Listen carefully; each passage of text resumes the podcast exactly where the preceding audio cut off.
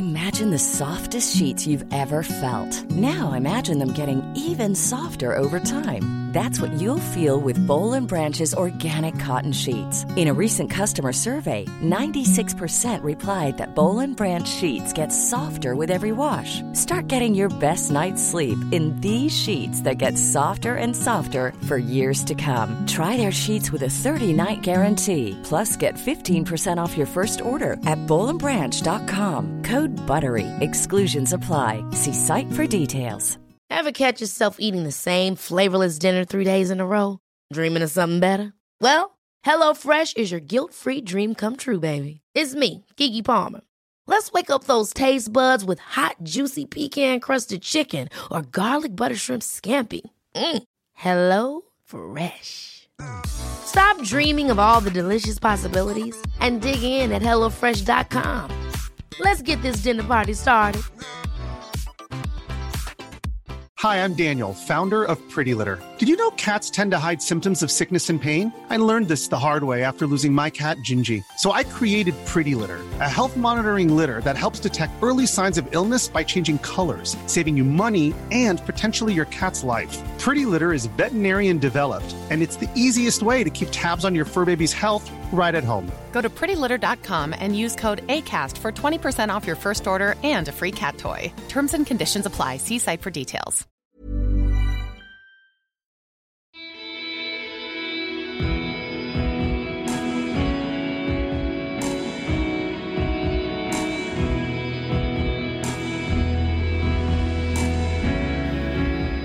God mandag. Det er mandag, folkens. Begynnelsen av uka. Nye muligheter. Alt er nullstilt. Hvordan har det gått? Løp dere forrige uke? Det er bra. Jeg løp forrige uke også. Jeg eh, nådde mitt uskrevne mål om å løpe minst 50 km. Det er bra. Jeg er i rute. Vel, ikke helt. Jeg skal Skal ikke klage, for det skal man ikke. Men forrige helg så kom eh, min kone og min yngste datter hjem fra New York, så det har vært litt eh, jetlag, kan du si. Eh, jeg var ikke jetlagd før jeg hadde vært hjemme, men det går an å overføre jetlag, faktisk. For når halve familien er jetlagd, og den andre halvdelen ikke er det, så er det naturlig at det blir litt sånn Det spinner litt. Så det har vært eh, en uke med kanskje enda litt mindre søvn enn vanlig. Um, jeg har prøvd å gjøre det jeg kan, og det er jo bare å legge seg tidlig. Men uh, det er så mye gøye bøker å lese. Må lese litt før jeg legger meg. Det er, uh, det er bonusen. Man får ikke tid til dette i løpet av en dag, ikke sant. Men ok, denne uka så er vi um, i Bergen. Og det er ikke helt sant, da. Uh, Bergen kommer til oss. Bergen kommer hit. Og uh, han vi snakker med i dag, han heter Nicolas Jon. Uh, musiker. løper. Enda en musikerløper. Den andre på podkasten som er musikerløper. Det er kult. Den første var Sondre Lerche, som lager musikken som vi hører på starten her og som oftest uh, på slutten. Men nå får vi enda en musiker med. Uh, en litt yngre mann. Uh, Gitarist også. Spiller i bergensbandet Hjerteslag. Veldig kult band. for de av dere som har hørt Hjerteslag, så Ja, så er det kult. For de av dere som ikke har hørt Hjerteslag, så er det jo bare å skru på radioen. Jeg hørte de faktisk uh, tilfeldigvis denne uka her, på P13. P13 av alle. P13 er visst den kanalen for oss som er passert 40. Vi som vokste opp med P3, men som nå er for gammel for P3. Ok, så Nicholas uh, kom, kom, til Oslo. Skulle på konsert. Uh, som den musikeren han er, så hører jo han selvfølgelig på mye musikk. Uh, han var her og hørte et band som han skal nevne. Vi snakker litt om det. Vi snakker litt om løping. Nei da, vi snakker mye om løping. Vi snakker veldig mye om løping. Og han har en veldig kort, for så vidt, løpehistorie. Uh, men den er veldig eh, Hva skal jeg si? Har en veldig bratt eh, kurve. Altså det går, det går veldig fort, veldig fort, vil jeg si. Så uh, uten å kjenne Nicolas noe sånn særlig godt, nå har jeg blitt litt kjent med han, så kan jeg si at mannen har jo et uh, formidabelt talent. Uh, og han er gira. Han er entusiastisk. Han er leken, kan man si det? Hvis du har sett han spille gitar? Ja, det kan man si. Han står også bak, eh, sammen med sin uh, flotte samboer Heidi, bak Parkrun-initiativet i Bergen. Og det skulle jeg snakke litt med Niklas om, men det glemte jeg rett og slett bare. Så, sånn er det når man setter seg ned, altså. Det er ikke alltid du husker å snakke om alt du skal. Men uh, jeg vil i hvert fall nevne at Niklas og Heidi står bak Parkrun-initiativet i Bergen. Løvstien Parkrun, som går hver lørdag klokken 9.30. Så hvis du er i Bergen og ikke har hørt om Parkrun, så er det verdt å sjekke ut. Det er sikkert bare å skrive inn Løvstien Parkrun, så får du opp den websiden. Uh, Parkrun skal vi snakke mer om seinere i podkasten. Uh, Oslo Parkrun, som jeg løper innimellom. Tøyen. Det går i Tøyenparken hver lørdag klokken 9.30.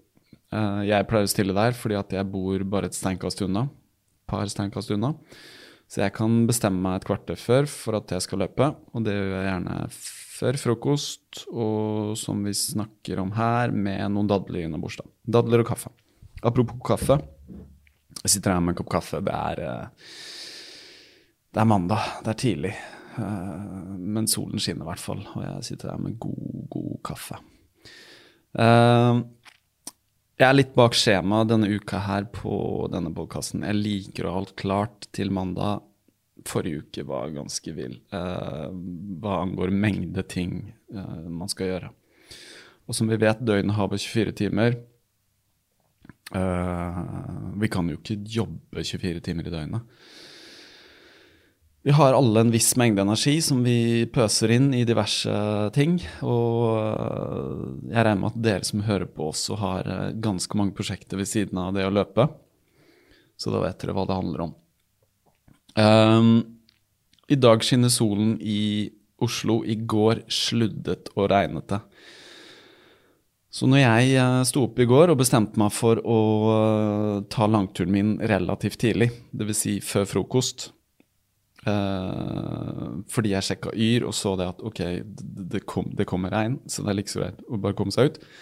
Saken er at utenfor vinduet mitt nå, der jeg bor, der er det uh, pakka fullstendig inn, for de pusser opp fasaden. Så jeg kunne ikke se at det lå ny snø på bakken. Uh, en snø som var veldig bleit. Så når jeg tok på meg løpeskoene og shortsen Shorts tar jeg på hvis det er plussgrader. Det er bare å ta nok på overkroppen, så går det bra. Og gikk ut, så så jeg at nå ble jeg bløt på beina. Men hva kan man gjøre? Kunne løpe på Bislett, men jeg må innrømme at det streifet meg ikke engang å løpe på Bislett. Å løpe på Bislett er kult, men jeg må innrømme at jeg syns det er litt tøft å løpe langturer på Bislett. Det er det. Så derfor vil jeg heller løpe litt sånn den som er blitt litt sånn min klassiske rute nå. Opp rundt Frognerparken, ned Frognerstranda og rundt Aker Brygge og festningen, og så tilbake Grünerløkka. I en eller annen retning. Det er fint. Da, da, vet jeg alltid i hodet at det blir 16 sirkus. Eh, bløtt på beina ble jeg, men det gikk jo fint, det. Så lenge du holder farta opp og ikke begynner å fryse. Det unner ikke jeg. Men um, når jeg løp der og ble bløt, så tenkte jeg på en historie som Nicholas forteller. Han, et, uh, han skal fortelle en historie. Han hadde et ganske tøft løp uh, hvor han også ble ganske bløt. Så den kan dere glede dere til. Så nå er det ikke noe mer å si enn uh, hei, Niklas Jo. Hvis du blir sulten, så har jeg dadler. Ja, digg. Nei, jeg, jeg åt en ganske decent, decent frokost. Ja, det er bra. Ja. Jeg skal faktisk ta meg én for å Jeg er en dadel... Dadloholiker, er det det heter? Dadloholiker. Dadloholiker, ja. Jeg kan løpe parkrun på sju dadler, jeg. Ja, ja. altså på syv dadler at Ja, du gaffer syv dadler, og så gunner du en pakke? Ja. ja, ja Syv dadler og en kopp kaffe. Og vann, da. Ja. Men det er nok for å få meg ut.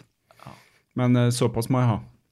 For meg, altså, kaffe og banan, det er, det er lø Ja. løperens eliksir, altså. Ja, men Da burde du prøve kaffe og dadler. Ja. Kombinasjonen den søte, litt karamellaktige daddelen, som jeg elsker, Mm. i samme kaffe, det er helt fantastisk. Svart kaffe, da. God håndbrygg. God sånn. I det siste så har jeg prøvd å bare rett og slett ta Stå opp, kaffe igjen, Ja. og så rett ut. Ja. Og gjerne en, gjerne en time, to. Ja. ja. Uten noe som helst næring, da. Bare for å forsøke det. Jeg hører at det er en ting. Ja. Det Eller det er jo å trene kroppen på å løpe uten å ha sukkeret tilgjengelig sånn Ja, det er vel det. Det er vel det, sant. Ja, ja. Det spise er litt grann ekstra i forveien dagen før. sant? Spise, spise kvelds med god samvittighet, og så, Mm. stikke ut. Ja. Og så bare ha de der, de der timene du sover, og så rett ut. Jeg tror, eh, jeg tror det er ganske lurt å gjøre det, i hvert fall hvis man skal løpe lange distanser. ja. Ja, Det Gjøre tror jeg. kroppen vant til det, å ikke være avhengig av måtte, måtte nødvendigvis ha syv dadler før en parkrun. ja. Jeg tror jeg skulle klart løpt uten syv dadler. da. Men, Men, blir- eh, parkrun er jo veldig kort, da. det er jo fem kilometer. det er fem. Og når man skal liksom løpe, kjøre hardt, så tror Ja. jeg man trenger litt, grann, eh, litt grann sukker først. Det gjør man. Ja. Jeg liker det. Men jeg tror vi sier hei til Nicolas Jon. Ja. Er det hele navnet? Nei, det er ikke det. Du trenger ikke å kalle deg noe mer. Jeg bare tenkte, er det Heter han Jon til etternavn, eller heter han egentlig Jon Nicolas, og så har han snudd det? Er det et artistnavn, eller? Nei, det er, altså, det er mange tilfeldigheter, men i, eh, i utgangspunktet så har jeg jo et veldig, veldig langt navn. Så Ja. det var egentlig bare å prøve å så kutte det ned, sånn at det ble litt lettere å, å, eh, å si. Men uh, uh, jo da, Nicolas Jon, og så heter jeg Kristiansen, og så heter jeg Aaland. Okay. Så det ble litt mye Nicolas. Jon Kristiansen Aaland. ble litt Ja. mye for å introdusere meg. Ja. Og så er det litt vanskelig å huske. Og så i tillegg må du huske om det er en C eller K eller Nicolas Jon. Det er mer Jeg syns det er kult, jeg. Ja da. Jeg skulle gjerne ha vurdert, og det har jeg tenkt på i mange år, om jeg skulle ta et annet navn. Kortere navn. ja. Jeg har jo et, eh, et nickname som jeg bruker på, på mail og sånn, men eh, det er litt rart å kalle seg. Det er Masi Mix. Man kan ikke gå rundt og kalle seg Masi Mix. og bare, Hæ? Nazi Mix? sier folk da. Nei. Nei, jeg tenkte Så- mer som brasiliansk fotballnavn. Ja, ja. Zico Saken er at når jeg var liten, så kunne jeg ikke si R. R, ikke sant? Nei. Og så helt til jeg begynte på skolen, da. Og så når folk spurte meg hva jeg het, så sa jeg ikke Marius, da sa jeg bare Mathi. Masi, ikke sant? Og så begynte faren min å kalle meg Masi Mix. Av en eller annen grunn. Hvorfor han gjorde det, vet jeg ikke. Men det ble sittende, så begynte min fetter å bare kalle meg alltid for det. Så når vi traff, hei, Masemix, og så ble jeg hetende Masemix. Og så, ja. ja. Men Men kunne du ikke- rulle på R-en, eller var det skarringen du ikke fikk? Nei, jeg kunne ikke rulle på r-en. Jeg sa ei. Du vet, ei. Sånn som mange små barn gjør. Men jeg hadde det helt fram til like før jeg skulle begynne på skolen. Så plutselig kom Ja, ja. Jeg er jo bergenser og har aldri klart å rulle på R-en en eneste gang i mitt liv. Nei, men du har jeg vet Nei. det ikke til. Det er bare ja, Ja, ja. det. Men det er jo ikke alle som gjør det. Nei, jeg har ikke behov for å gjøre det heller. Nei, nei. Hvor i Bergen, gå- hvor i Bergen er du fra? Jeg er fra skal vi se, født og oppvokst på Kalfaret rett overfor Hansaparken. Ja. Ja. På vei opp til Haukeland sykehus. ja, Ja. ikke langt unna. Nei, ikke sant. Ja, I hovedveien der. Jeg eh, hadde eh, sommerjobb som portør på Haukeland sykehus en del år. Mm. Så da sykla jeg mye opp der og tok bussen osv. Var Ja, kanskje ja. mest av bussen på den tiden. Så vidt jeg husker. Jeg tror det. jeg tror det. Ja, jeg har faktisk vært portør på Haraldsplass. Har du det, ja? Ja, ja, Ja, ja, ja, ja. Haraldsplass var jo bare rett bortenfor det. ja. Ja. Så det, her sitter vi to gamle portører. ja, Det er jo- endelig, sant? Oh, skal vi diskutere. Ja, Ja, ja. hva, var, din teknikk? Ja, ikke sant? de, uh... Det var en crazy jobb også, men det var litt morsomt òg, da. Gikk oh. ned i tunnelene. Ja, du- Haukeland er jo Helt kjempesvært, ikke sant? ja. Og jeg bare Jeg hadde fått en sånn skritteller på telefonen min. Ja. Og bare hvor mange skritt man kunne gå i løpet av åtte timer. Ja, Det var helt sinnssykt. ja det er altså, i, sinnssykt. løpet av, I løpet av en dag så kunne du lett gå 35 000 skritt. Ja, du gikk jo hele tiden. Mm. Jeg kjørte jo også en del sånne små sånn trekktrucker. Som Ja, ja, det var gigantisk der, ikke sant. Ja, vi måtte jo kjøre Luksus. og hente maten. Ja, så- det hadde ikke vi. Det hadde ikke vi. Men, men dette var jo lenge før eh, mobiltelefoner. Dette var jo for min del på slutten av 90-tallet. ja, Så det er litt sånn, okay. det er litt før din tid, Ja, ja. kanskje. Du hadde ikke sånn der eh, pedometer heller. Jeg, eh, Nei, jeg hadde ikke, hadde ikke en skitt. si. Det var FM-radio på, på pauserommet. Det var det det var. Ja. Ja. Og så sånn calling, da. Hvis noen skulle ha fatt i deg, så callte de, og så måtte du ringe opp igjen. Den der callingen. Ja. Nå kommer meningen tilbake. De Ja, ja, ja. Herregud, ikke- La, la oss ikke snakke om det. Jeg savner heller ikke denne jobben. Men det var en god erfaring, da. Det var Ja, herregud. Absolutt. Du var- lærer virkelig hva det vil si å virkelig være på jobb. Å oh, ja, ja. Det var ikke noe kødd. Det var på jobb klokka Det halv åtte. Altså, all respekt til de som holder det gående i Ja, ja. jobben der lenger. Ja. For det, Jeg husker det det var de som hadde vært der i 25-30 år. Ja. De var jo ganske bedagelig anlagt, da. Men eh, gjorde alt. ja, de må sikkert koble ut på et eller annet vis. Ja, et eller annet vis. Ja. Ja, ja. Det- Fordi at du kan ikke være for, eh, kan ikke være for inne i jobben din. Nei. Du skal holde på med det der lenge. Nei, du kan ikke det. Nei. Men uh, Nicolas Jon, altså rett airborne straight uh, æra Bergen. Eh, Ja, du, ja, kom, ja. du kom i går. Uh, ja, jeg tok toget fra Bergen. Ja. Stemmer. Hvorfor er du i Oslo by? Eh, nei, jeg komme her for å prate med deg, selvfølgelig. Ja. Og så tilfeldigvis så spilte Og så tilfeldigvis så fikk jeg en eh, Fikk jeg en konsertbillett til Florence and the Machine også, av, eh, av samboeren min Heidi, til jul. Så eh, slå to, eh, to fluer i en smekk. Hun er også her, eller? Ja, hun er her nå. Ja, ja. Det vil si, hun er vel sikkert på vei ned til byen for å for å kikke litt. grann Og gå litt Ja, ja, ja. Ja. Nei, eh, vi, vi har jo en felles eh, bekjent, eh, faktisk, i Stig Rasmussen, som har vært på podkasten. Ja, stemmer. Det var vel ikke derfor vi traff hverandre, men uh, verden er så liten. I hvert fall Oslo og Bergen. Du, det, det er rart hvordan eh, vi møttes. eller- Ja, ja. ja, vi møttes jo egentlig for et kvarter siden. Vi møttes Ja, et kvarter siden. det skal jo nevnes. altså. Ja. Vi kjenner ikke hverandre særlig godt. Vi kjenner ikke hverandre i det hele tatt, men Nei. det var litt som en, eh, en gammel kjenning. kjenning. Det er sånn når man har felles kjente. Kjenner du Sondre òg? Lerche? Uh, han er vel blitt det man kan kalle en, en venn som tidligere var en internettvenn som du ikke heller har møtt. sant? Ja. Men det, det er rart, altså. Det er noe med dette her med Jeg tror Strava har veldig mye å si. Fordi at jeg eh, ble venn med han der, Mm. og så begynte vi å følge hverandre. Mm. Og eh, ja et Plutselig så traff jeg han for noen uker siden. Å ja. For da hadde vi en spillejobb på samme plassen. Uh, og så delte vi, delte vi bakrom, da. Og så bare begynte vi å prate om Du, nå må vi snakke litt om løping. Nå er, det, nå er det nok snakking om musikk. ja. og så satt vi i gang, og vi, vi snakket jo i sikkert i to-tre timer. Kult. Bare om det å løpe og ja, Ja, ja. verden rundt det. ja. Det var helt nydelig. ja så Så sånn da. Hvor var det dere spilte da? Uh, nei, det var i byen. Det var i Bergen? Ja. ja. Ja. Nei, han er jo stadig fram og tilbake. Eh, jeg har ikke sett han på en stund. Eh, når Nei, han driver jo og løper langturer bort til Los Angeles. han gjør det, så jeg følger han tett, da. Ja, det gjør jeg på Strava. Så nå så jeg han har vært litt sånn å, litt vondt her og der, så får håpe, håpe det kommer seg. Han har et par uker, det, det Ja. snakka vi om på podkasten, han skal løpe LA maraton. Ja, Vet du hvor han er? Det er bare et par uker til, tror jeg. Ja, Så han er i tape tapering-perioden sin. ja, ja sant. Det Det får jeg si, altså. Sondre, Ja. hvis du hører på, lykke til. Ja. Ly lykke til. Dette, dette spilles av, eller kommer før du løper. Men Ja. eh, ja, han, jeg tror han hører på. Ja, ja.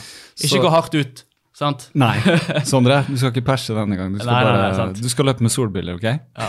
Husk, husk det at hvis du har en god dag, ikke ødelegg det. Nei. Det er vel kanskje det aller viktigste. altså. Er det Ja, for at altså, grunnen til at du er her, mye å snakke om, er jo fordi du, eh, du er en løper. Um, og så ser jeg du, du sendte meg litt eh, info da, på hvor lenge du har løpt, og du har ikke løpt så veldig mange årene aktivt? Eller? nei, nei, nei. Jeg begynte vel for eh, Kan man si at jeg begynte for to år siden? Ja. Skikkelig, da. Ja. Men altså, første gang jeg ble med på et løp, det var vel for fem år siden. ja. Og det var vel egentlig Heidi, samboeren min, som, eh, som motiverte meg til det. Og da var det ja, kanskje seks-syv år siden sist gang jeg hadde vært ute og, og sprunget eller gjort noe Fysisk. noe fysisk forstring. ikke sant? Ja. Og så kom jeg der, og så plutselig måtte føle det der, den gode følelsen av å liksom gjort noe bra. Mm. sant? og løpe og springe. Så jeg ble jo fullstendig hektet på det. sant? Uh, dette var tilbake igjen i 2014. Hvilket løp var det du løp sammen med? Uh, det, I Bergen så er det et løp som heter Vinterkarusell. Mm. Og det går eh, liksom en, en gang annenhver hver tredje uke. Det er det utover mot Fana, som er litt i Bergen sør. Så begynner du på Fana stadion, og så springer du egentlig bare et stykke ut mot Flesland, og så tilbake igjen. Eh, hun hadde løpt den et par ganger, og det var, du kunne enten løpe fem kilometer eller ti kilometer. Hun skulle løpe mil. Jeg, jeg nøyet meg med fem kilometer. Og så eh, hadde hun ikke noe løpesko eller noe, sånt, så jeg lånte hennes løpesko og tok bare på meg en band-T-skjorte, og så satt jeg av gårde, liksom. Og eh, ja, det var egentlig inngang. Sant? Det, det var jævlig kult å løpe, og det var digg å digg å liksom kjenne på det der vonde greiene som var helt til slutten, og så være i mål og så ha den digge følelsen. sant? Mm. Vite at hei, dette klarte jeg jo faktisk. Der kom endorfinene. uh, Ja, ja, sant? Ja. Så altså, da ble jeg jo eh, hektet, og så ville jeg jo selvfølgelig løpe mer. Bam, der kommer skadene. Ja. Sant? For kroppen din var ikke klar for uh, Nei, nei, nei, sant? Hjertet var jo mye sterkere Ja, enn ja. det beina var. Sant? ja. Så, eh, så det var knærne som begynte først, og så kom ryggen og det ene og det andre. sant? Men er det, da er det jo mange som, når de får motgang, kanskje gir seg, da. Og bare tenker åh, knærne. Jeg, det hører jeg ofte Ja. når jeg spør om folk løper. Nei, jeg kan ikke fordi knærne. Nei, nei, Og så tenker jeg ja, ja, selvfølgelig. altså Alle får jo litt vondt i knærne og begynner å løpe, for de har ikke løpt kanskje på mange år. ikke Mm. sant? Så det er ikke noe rart at du får vondt i knærne. Du har ikke muskulatur til å ta av, liksom. Nei, det er nettopp det. Men hva, hva, hva gjorde du da? Um, Nei, altså, jeg måtte jo bare måtte, hadde jo lyst til å høre på meg sjøl og min egen kropp, men det var jo ikke nytt, nyttig. For jeg hadde jo ikke løpt på ti år, så hvorfor skulle jeg lytte til en amatørkropp? Ja. Så jeg måtte bare høre på det Heidi sa. Hun var jo, hun jo full i råd. sant? Hun hadde akkurat uh, løpt Berlin-maraton og ja, løpt mange, løpt mange løp. sant? Så hun visste jo hva hun, hva hun holdt på med. sant? Så det var jo bare å lytte til hennes tips. Og det var jo bare å, å ta tiden til vei og ja, vurdere kanskje å trene litt styrke. Eh, så du fikk, der fikk du døden i øynene. Nei, da bare Ja, det er styrke. Ja. Men uh, gjør du noen øvelser? Eller gjorde du det? Uh, nei, jeg begynte vel egentlig å gjøre litt.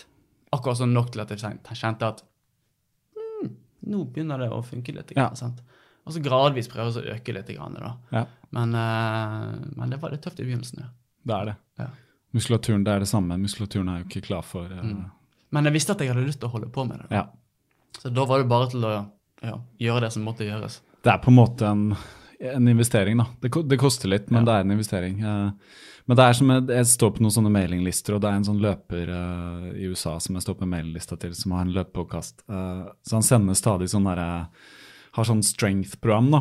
Selvfølgelig sånne ting du skal følge og betale penger for og sånn.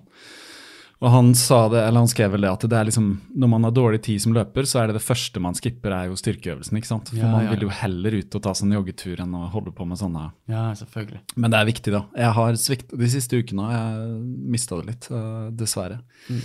For det har vært så mye av alt, egentlig. Mye løpemengde, lite tid. Men det er den derre Nei, jeg gjør det i morgen. Eh, ja, eller bare eh, la være å gjøre det. ja, la være å gjøre det. Men det lønner seg. Med? Alt andre skal gjøre, og sånn, stress er stress. Stress er stress. Det er, det er så mye som, som spiller inn. sant? Ja. Så eh, Men du har fått koll på beina? ja, nå går det greit. Altså, hvis du spør en enhver løper om han, han føler seg skadefri, eller om hun har vondt noe sted, så vil alltid svaret være ja. Mm. Det er jeg temmelig sikker på. fordi at Si man løper, si man løper 100 km i uken, så vil det alltid være et eller annet som gjør litt grann vondt. sant? Men det er liksom det her å, å kjenne og vite det at dette her er noe som det er noe som kanskje du kjenner nå, men kommer til å være vekk om to-tre dager. sant? Mm. Og det skjer 100 ganger. Altså I, i løpet av fjoråret så hadde jeg sikkert 50 ganger at jeg hadde en, en liten vondt kanskje i leggen, i hoften, noen steder. sant? Og så to-tre dager etterpå så var det vekke. sant? Så var det bare en liten scare. Så det, det, kan, det kan komme ting, og så tror du at det er noe, og så, så går det vekk av seg sjøl. Mm. Kroppen, kroppen er tilpasningsdyktig og klarer å, klarer å fikse på ting ganske godt sjøl. Altså. Altså, den jobber jo som fy hele tiden for Ja, ja, å på en måte ta unna det vi påfører den. Mm. For vi kjører jo på med altså Greit med løping, men vi kjører jo på med alt her i livet. Mm. Altså, Ja, Snakker ikke nødvendigvis om deg og meg, men hva vi mennesker putter i oss, hva vi utsetter oss for, er jo sinnssykt. Og kroppen bare gjør alt den kan hele tiden for å opprettholde ja, jobber jo på høygir. Ja, ja, totalt, liksom. Selv når du sover. Det er jo derfor du må sove, for det er jo sånn OK, nå er det maintenance-tid. Kommer vaktmesteren og soper unna dritten vi har putta i den, eller fått tilført den. Nei, men Det ser jo ut som du har, eh, uten at jeg kjenner liksom historien din, at du har fått volumet opp ganske kraftig, da. Ja, det, det har jeg begynt å få det til nå. Så, Ja. Så det at nå eh, Men for å spole, spole litt tilbake før vi tar det med volum. Du løp Ja. eh, karusellen, eller femkilometeren, Ja, ja og så var det litt vondtere og sånn, men jeg ser jo du har jo løpt Hvor mange maraton har du Eh, ja, hva blir det da? Jeg hadde mitt første maraton i 2017. Da sprang jeg sammen med Heidi og, og broren til Heidi, Kai Erik, Ja. nede i Barcelona. Det ser jeg. Du, jeg vet hva, jeg har det foran meg. Barcelona 2017. Ja. 3.54. ja. Ja, akkurat samme som meg. det. ja der ser du. I Fantastisk løype. 2018. Ja. Nei, altså jeg løp ikke i Barcelona, men jeg løp Nei, i ok. 3.54 i Bergen i fjor. Ah, ok. Etter å ha banka Passerte halvmaraton på 1,47, og så hadde jeg Hvor mye var det på andre runde? da? To timer og Ja. Begynner å regne når du To timer og 17 minutter. ja. Ja, det var tøft. Og så løp du i Stavanger samme år. Se her. ja, stemmer det. Og da var du nede i 2,55. Ja, Hva i alle dager skjedde? Hvor lang tid? Altså, bare jogga du den første? Litt sånn uh, Jeg skal nei, sjekke, liksom, hva dette er. Det som var greien, var det at uh, i bursdagsgave til Heidi så fikk hun startnummer til Barcelona Marathon. Og det tenkte jeg at Mm. Var ikke det nettopp, forresten? Jo, den er vel Ja. i, i mars Ja. hvert år, så den var vel nå i helgen. Ja. Uh, og så tenkte jeg at ok, hvis hun skal få et startnummer, så kan ikke jeg bare stå og se på. Så da meldte jeg meg på, meg også. sant? Men jeg var jo ikke noe sånn særlig motivert for å gjøre mitt aller ytterste for å kunne klare en maraton. For det at maraton for meg på den tiden der var ikke noe mer enn Det var noe ukjent. sant? Du aner ikke. Det her er mye lenger enn jeg noensinne har løpt før. og Jeg har løpt et halvmaraton, men det er noe annet. Mm. Det er noe helt annet. Du hadde du spontanmeldt deg på? Du hadde jo ikke trent langsiktig? Nei, nei, nei. med det, var, det var noe jeg ville gjennomføre, sant? Ja. og jeg skulle, jeg skulle gjøre det. Men i hvert fall. Uh, meldte oss på, og så tenkte jeg ok, jeg må jo faktisk trene til dette her. Og jeg gikk rundt og var skadet da også, sant? fordi at Ja, man er skadet. Ja. det er bare sånn det er. Uh, og så uh, var jo det egentlig mest av alt hensikten at vi skulle få henne til å springe under fire timer. Hun hadde sprunget to ganger før. En gang i Berlin, og da sprang hun på 4.03, var det vel. Og så Oslo to år seinere, og da sprang hun på 4.02. Mm. Så hun har akkurat vært litt grann over. Veldig nært. Uh, så da tenkte jeg at ok, nå stikker vi til Barcelona, og så får vi deg under de fire timene. Mm. Uh, og det jeg ikke var forberedt på, er jo det at når du skal springe et maraton i fire timer, så skal du springe i fire timer. Og det er temmelig heftig, altså. Det er lenge. Ja. Altså, du ser, på, du ser på de som løper maraton på 2,30, eller to timer for den saks skyld. Sant?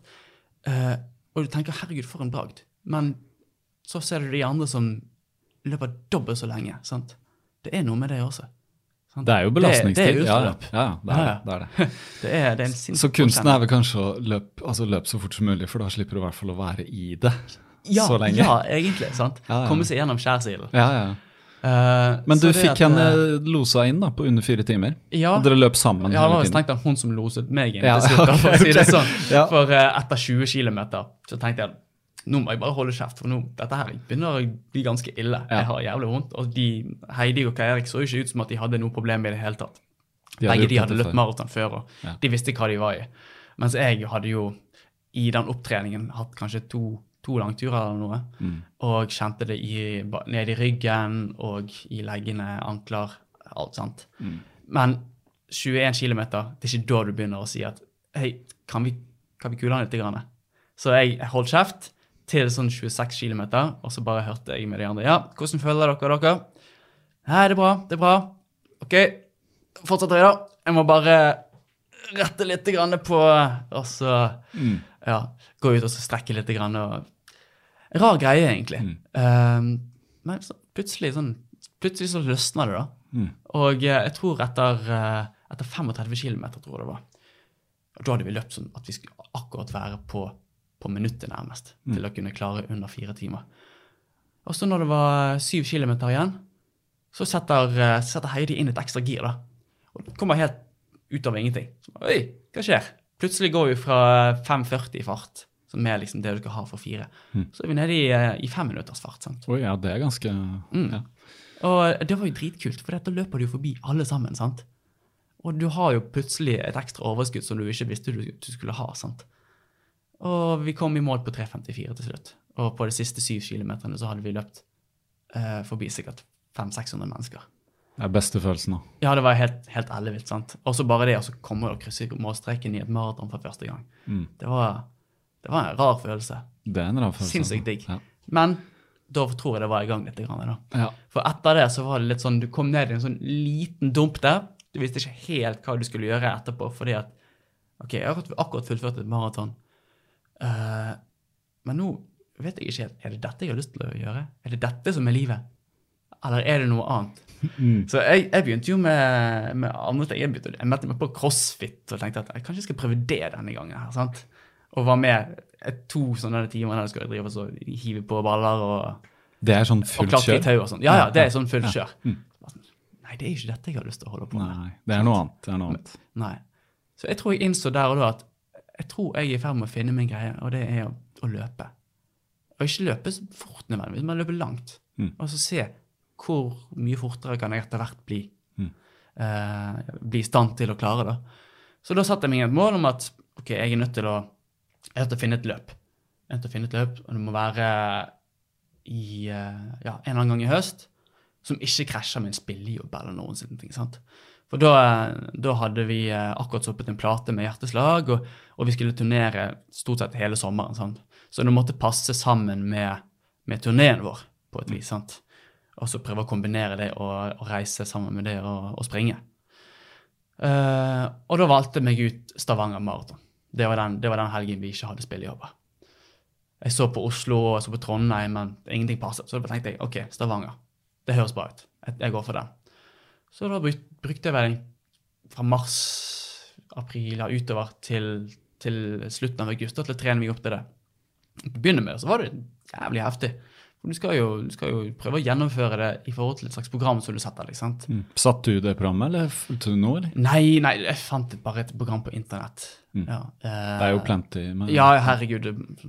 Leit under en stein og finner et maratonprogram nesten, nesten hvor som helst. Ja, sant? Ja, ja. Men det er jo forskjellige eh, filosofier gjennom disse programmene. sant? Noen er mer sånn på at ok, bare gjør mengden, og så vil ting løse seg av seg sjøl. Og så er det noen som er litt mer sånn direkte på at ok, du skal løpe nå skal du løpe 35 km eh, i den farten du skal holde i maraton. sant?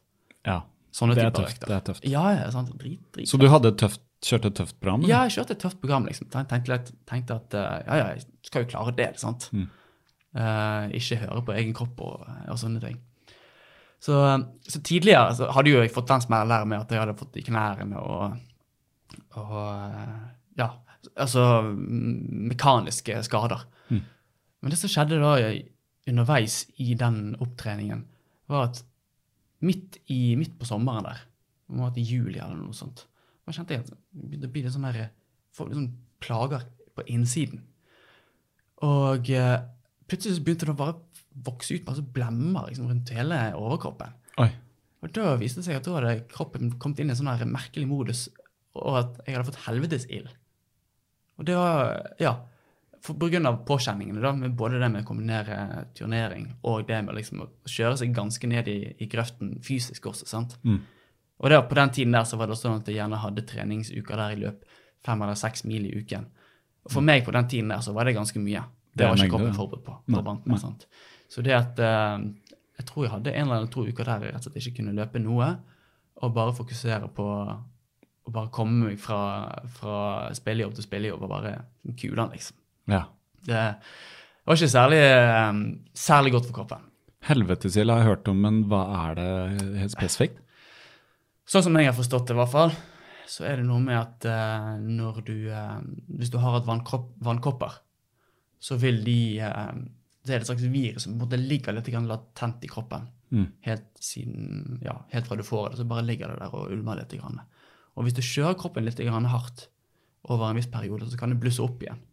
Og det var det som skjedde. da. Og da ser du ganske tydelig. Du får litt sånne der synlige, synlige eh, ja, du får blemmer rundt spesifikke plasser rundt på ryggen og så fram mot magen. Du, du, du var hos lege og sånn? Ja da. ja da, sant? Og uh, spilte vel på Jeg tror det var på Slottsfjell. Da var jeg bandasjert rundt hele magen og ryggen. Så var jeg, Vanligvis når jeg spiller konserter, så pleier jeg å være ganske aktiv på scenen. Men der, jeg tror aldri jeg har stått såpass stille som jeg gjorde på scenen den dagen der. Da var det bare å stå og få gjennomført, rett og slett. Det var utrolig spesielt. For det, det måtte du jo. Altså Du kunne ikke avlyse ja, ja. konserter. Så, eh, så da Da hadde de andre i bandet kanskje blitt litt sinna. Ja, For det, for det vi har glemt å si, bare ta en liten uh, avsporing her nå. For du er jo musiker. Um, det er jo ikke sikkert alle som vet det, som hører på, så du kan jo fortelle Nei, litt jeg hvem du er, hva du spiller i videre. Ja. Uh, jo, gitarist i uh, bandet Hjerteslag. Uh, vært det siden 2013. Er det, var det starten av bandet, eller var det Starten av bandet Hjerteslag var vel strengt tatt to år før, mener jeg. Og da var det um, Robert Eidevik, uh, Petter Sætre, som tidligere har vært med i Professor Pess. Du kanskje husker du Professor Pess fra din tid i Bergen? Altså, nå dro jeg fra Bergen 2004, så Ja, ok. Jeg tror de la, ga ut noen plater rundt i 2006. tror Ja. de ga ut. Altså, navnet Ja. I hvert fall, han var i hvert fall vokalisten og låtskriveren i Professor Pess. Jeg tror de traff hverandre på, eh, på Victoria, og så fant de ut at de hadde lyst til å lage et, eh, et band sammen. Uh, Ole André Hjelmås spiller bass, som også spilt i en haug med punkeband. Uh, og så eh, en jente som heter Vilde. Vilde Tuv. De startet Hjerteslag sammen først og skrev noen låter. Og så tror de turnerte og eh, spilte inn noen demoer. Holdt vel på i ett eller to år, og så kom det på en måte egentlig ingen vei, da. Og så tror de skulle ha en slags avslutningskonsert i, uh, i bakgården på Apollon, da. Den, eh, den platesjappen som ligger i, i Bergen sentrum. Ganske legendarisk platesjappe, det. Ja, Ja. ja. det um, begynner å få ting jævlig bra til der nå. Så det er kult. De har i hvert fall et par sånne bakgårdskonserter en gang, i, en gang om sommeren. sant? Og da skulle de spille der. Uh, og så kunne ikke Vilde være med. Uh, så, Hun var gitarist, eller? Ja, hun var gitarist på, på den tiden der. Og Vilde, Vilde har jo eh, hun har jo sin egen karriere også. sant? Hun har jo sluppet en fen- fenomenal plate. Jeg tror hun slapp for tre år siden. Ganske nøyaktig tre år siden så slapp hun en soloplate også. Fantastisk musiker. Um, hun kunne ikke være med den dagen der, så da tror jeg det var en annen som jeg kjenner som heter Torjus. Mm. Han òg er jo med Hjerteslag nå. Han ble oppringt av, av Robbie, tror jeg. Eh, Robert, altså. Eh, Robert ringte Torjus, og Torjus ringte meg. For da spurte han om vi ville være med og spille på noen av låtene. sant? Og da tenkte eh, sikkert Robbie først at ja, Torjus, du kan spille noen låter, og Nico, du kan spille noen. Og så eh, Ja, det var en god idé. sant? For du spilte fem-seks gitar på den tiden? Eller Ja. du var Ja, ja. Spilte du et annet band, eller var du Ja, jeg spilte litt andre band også. Ja, Så du var liksom litt sånn Folk visste hvem du var i musikermiljøet? Ja da, ja da. sant? Og, og Robbie og meg vi hadde jo møttes før også, så, så vi kjente, alle kjente hverandre, da. Men fra ulike, ulike band. Mm. Og eh, ja, dagen før møttes på øvingslokalet og kom fram til at vi, vi må jo bare spille alle sammen. sant? Alle låtene. Og så gjorde vi det. Gigen var dagen etterpå, og det gikk sinnssykt bra. Så fant vi ut at dette er jo ikke slutten. Vi må bare fortsette. sant? Det er begynnelsen på noe nytt, egentlig. Eh, Ja, ja, ja. sant. Det var liksom som Fleetwood Mac. uh, så da bare fortsatte vi. Det her var jo tilbake igjen i 2013, så det har jo skjedd en del ting siden den gang. Så vi har gitt ut plater. Vi, tre plater har vi gitt ut nå. Vi har ja, stort sett turnert hver eneste sommer og høst. og Gitt ut et par singler. Ble nominert til Spellemannsprisen i forfjor. Tre år siden. 2016, tror jeg at du husker. 2016, ja. Ja. ja. Det var for den andre platen vår. Vannmann 86. Det er sånn jeg, da jeg hørte det, tror jeg. Ja. Sikkert på via radioen. Jeg Ja, må jo innrømme at jeg følger ikke så godt med som jeg gjorde på en måte med hva som skjer i norsk musikk og sånn. Men jeg vet at når et band på en måte liksom sprenger seg ut av Bergens Ja, hva skal jeg ja, si, sant. grensene, da er det liksom gjort, da. Hvis du klarer å liksom komme deg ut, eller hvis lyden bærer over fjellet til Oslo, da er du, Ja, da, da er du liksom Ja, norsk, si. da blir du kjent i Norge, da. Ja, ja, For det er jo sant. plenty med band som bare er i den lille sfæren i Bergen. Mm, og det, og det er jo Ja, fenomenalt. alltid vært en Absolutt. utrolig scene. Jeg husker jo denne bodde der. altså Først, eh, Jeg vet ikke om noen snakker om bergensbølgen ennå, men det har alltid vært sånne Jo, bølger. da. det kommer mange. mange Ja, ikke sant? Stadig. Ja. Så Sånn som jeg husker Bergen nå, så er det jo altså Det som er så kult med Bergen, at det er så lite og intimt på en måte eh, Holdt på å si der nede i gryta, mellom fjellet og fjorden. Altså Selv om Mm. folk kommer herfra og derfra. Det er liksom sånn få møteplasser. Den gang var det jo garasje og sånn, som sikkert er borte nå. ikke sant? Mm. Men nå har det vel kanskje et miljø rundt jeg vet ikke, Apollon og det liksom uh, kvarteret. Altså, Jo, altså, man finner alltid nye plasser. Ja. Det er liksom det, sant? Jeg har, ikke, jeg har ikke vært der noe særlig, men det virker som det er masse nye utesteder. Og det er veldig sånn, det er trøkk og liv, og det er et skikkelig, skikkelig uteby, altså. Ja, da. Ja det er det. det, er det. Så, nei, så det var utrolig rart å komme over til Oslo, og plutselig så spiller de låtene dine på internasjonal. sant? Ja. Det var en spesiell følelse. ja. Men, eh, men ja. For du synger er jo på norsk. Ja. Altså, ja. Eller, eller ikke norsk, men bergensk. Nei, uff da. Nei, Men, eh, ja, men det, det er kult. Det er jo en av de dialektene som er kule å synge på. Mm. Du ser jo sånn som Kaizers synger på stavangerdialekt, kjempekult. ikke sant? Bergensdialekt, kjempekult. Men når du er på den der østlandsdialekten, så blir det litt sånn Jeg vet ikke. Det er, det er ikke det samme særegne ved det, altså. Selv om det kan jo funke, det òg. Absolutt. Ja, det kan sikkert. Men dere har ikke aldri vurdert å sånn tenke ut av, ut av landet og, og så videre? Har dere turnert noe på kontinentet? Nei, vi har faktisk ikke vært utenfor Norge ennå.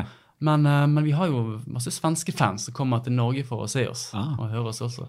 Så eh, vi har tenkt på det også. Ja. Burde ta en tur til Göteborg, Stockholm, eller de Ja, store? ja, sant. Ja. Vi har noen planer, så vi får se hva som skjer. Men dere holder det gående? Det Ja, vi liksom- holder det gående. Altså, nå, eh, nå blir det vel, eh, har det vel akkurat blitt sluppet at vi skal headline Bergenfest nå til, eh, til sommeren. Så det blir vel starten på, starten på en ny æra. Og du har spilt på Øya, så vidt jeg forsto? Eller dere har spilt på Øya? Ja, vi har vel spilt én eller to ganger, tror jeg. Så, så vi får se hva som skjer denne sommeren her. Ja, visst. Nei, men kult. Det er veldig kult. Um, er det bare sånn, litt sånn, siden vi er i musikk, da. Mm. Hvilke innflytelser eh, vil dere si at dere er uh, under? Altså når det gjelder musikk, musikalske innflytelser. Man er jo ofte under innflytelse fra enten direkte eller indirekte. Har dere noe sånn Nei, Det er så vanskelig å si, egentlig. For vi er jo fem forskjellige personligheter i det bandet. Og egentlig så er jo det fem eh, frontmenn, dette her. Altså, Robbie er jo vokalisten i dette bandet, men sånn som jeg nevnte tidligere sånn, Petter Sætre Petter han har jo uh, også vært vokalist i, og låtskriver i bandet sitt. Ole, som spiller bass, han er vokalist i et punkeband som heter Obnoxious Remains. Eh, Torjus, som er han jeg egentlig har kjent lengst, han, uh, han er jo vokalist i bandet West Indian, som er der jeg også spiller gitar. da. Så det er den eneste i, den eneste i uh, Hjerteslag som egentlig ikke tidligere har hatt sitt eget band, er vel egentlig meg sjøl, da. Så det at uh, alle, alle kommer med forskjellige bakgrunn og utgangspunkt, og alle er veldig sånn bestemt på at jeg har lyst til å lage denne typen musikk. sant? Mm. Uh, men på Så det er den gryta som man putter alt oppi, som Ja, gjør at ja, du får den sounden dere har, da. Ja. Eh, så har det egentlig bare blitt en sånn Vi har funnet våre likheter, likhetstrekk og, ja, og ulikheter. Det er vanskelig å si egentlig hva som gjør at vi høres akkurat ut som vi gjør, men, men det er vel litt det er litt tilfeldigheter, og så, og så blir det bare litt sånn av seg sjøl, tror jeg. Ja. Altså, Bak enhver musiker så finnes det en personlighet med masse forskjellige ting som har inspirert og, og formet den som, som artist. Og, Mm. og det blir alltid et eller annet nytt av det. Det kule med band er jo alltid den der gruppedynamikken. Som Mm. på en måte bare kan skje ved at du setter en gjeng mennesker sammen. Som skal på en måte lage noe sammen. Ja, ja. et felles, har et felles mål, da. Eller, ja. Så jeg, jeg har aldri spilt i band, men jeg har vært i uh, performancegruppe uh, langt tilbake i tiden eh, i Bergen. Og kjenner til på en måte de tinga der, da. Selv om vi jobba med sånn tekst, og jeg jobba med video, da. Ja. Jeg var liksom videomakeren i den gruppa. Som, eh, men vi hadde jo masse forestillinger sånn. Det, det var jo alltid Ting gikk på kryss og tvers og ideer. og? Det kom jo alltid noe ut av noe som noen andre har med seg. Mm. Ja, Det er interessant. Det, det kunne vi snakka masse om, men uh, Ja, ja, for det er sånne ting. Du vet aldri hvor henne du havner. Sant? Nei, nei, nei. Men uh, nå når jeg er blitt litt kjent med det, skal jeg følge bedre med. altså. Jeg må, ja. det. må sette på noe. Jeg, jeg titta faktisk på et lite YouTube-opptak eh, fra, fra dere spilte på USF-verftet i fjor. Å, ja. Okay. Fordi sånn, jeg tok en telefon til Stig og spurte ah, kjenner du Nicolas Jon. og sånn. Ja, han er jo en, eh, han er skikkelig sånn gitarpersonlighet, og du må sjekke han ut, liksom. ja, eller jeg vet ikke om det var- det ordet han brukte, men ja, eh, ja, han har sin stil, da. Jeg tror det var noe sånn han sa. Så, Mm. så jeg måtte bare titte. For at det er noe med gitar, altså spille gitar. Ja. Det er vel sånn Snakke om gitarister, altså, sånn som Sondre Lerche, som er en av de jeg har sett mest, da. Fordi jeg kjenner Mm. han så ofte, liksom, ikke sant, står på gjesteliste og sånn. Og så når han spiller, så er det jo liksom alle har sin metode. Akkurat som alle har sitt løpesteg, da. Ja. Så har liksom alle sin måte å Ja, spille gitar på, så er gitarister. Ja. Ja. Ikke sant? Det er sånn man har denne her til personlig, og hvordan man liksom behandler det der instrumentet, som jo er det mest perfekte instrument. Egentlig. Sondre er jo et veldig godt eksempel. Ja, han er det, ikke sant? Han, du ser han på scenen med, med instrument, så det er helt. Han er jo en altså. utrolig liveartist, og det er sånn, det er oppfordring her til lyttere. Altså hvis ikke dere har vært på en Sondre leiekonsert, så er det sånn Han, han har en persona der på scenen Å ja. som du ikke Ja, ja, møter liksom i hverdagen.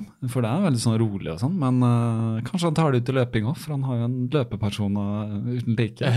ja, ja visst. Ja, visst. Ja visst, han har det. Han blir jævlig rask også nå, da.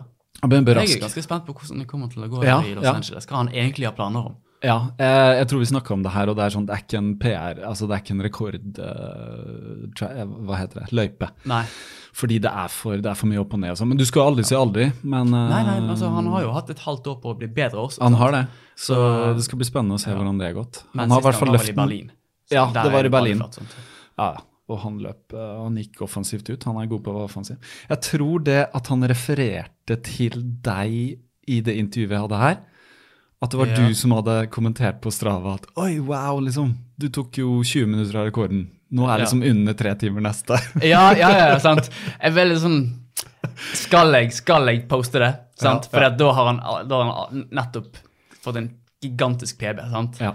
Og så får han bare beskjed om at du kan bedre enn dette her. Ja, sant?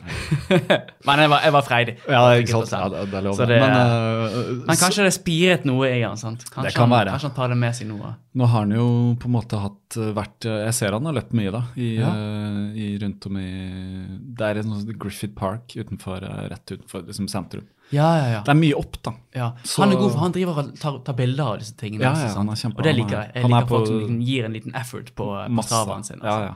Det er masse Han, fint masse, han er flink, flink på det også.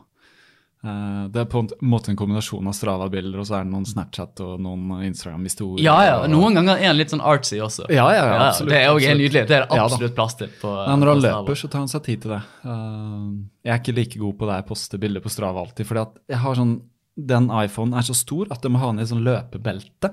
Mm. Så den er bak på ryggen, altså nede ved hoftene, altså bak, da, der hvor den ikke plager meg.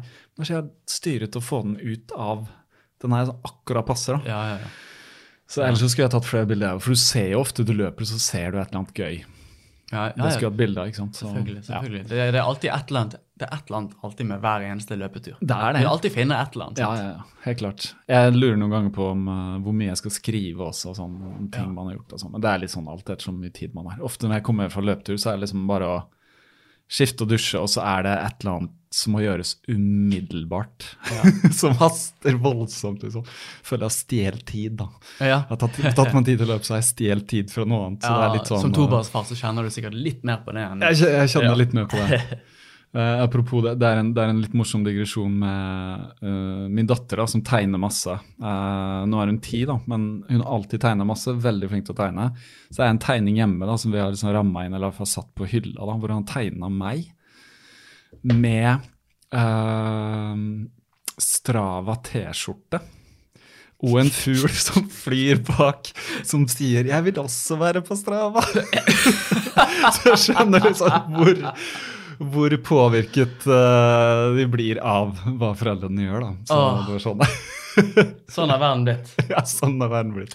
Mens min kone syns jo bare Strava er sånn der, hva er det, den rare liksom Ja, sosiale hva er det, sant? Det er- Jeg var jo sånn en stund så løp hun litt, så jeg var sånn ah, 'Du må på Strava.' Hun bare nei, nei, nei, nei, jeg er ikke interessert i det. ikke sant? Det er ingen interesse av det. nei, Så det er en ambivalens. Uh, noen ganger så er det kult å poste sånn, noen ganger så er det bare å skrive sånn som jeg gjorde i gang tredemølla. Mm. Og så bare For det er, jo, altså, det er jo i realiteten en sinnssykt bra treningsdagbok. sant? Det er bare en treningsdagbok. Og uh, sånn sett, noen ganger nå i det siste så har jeg egentlig bare begynt å bruke det som det det er. Nemlig å bare holde litt sånn oversikt over hva jeg faktisk gjør, og Ja. hvordan det føltes. Ja.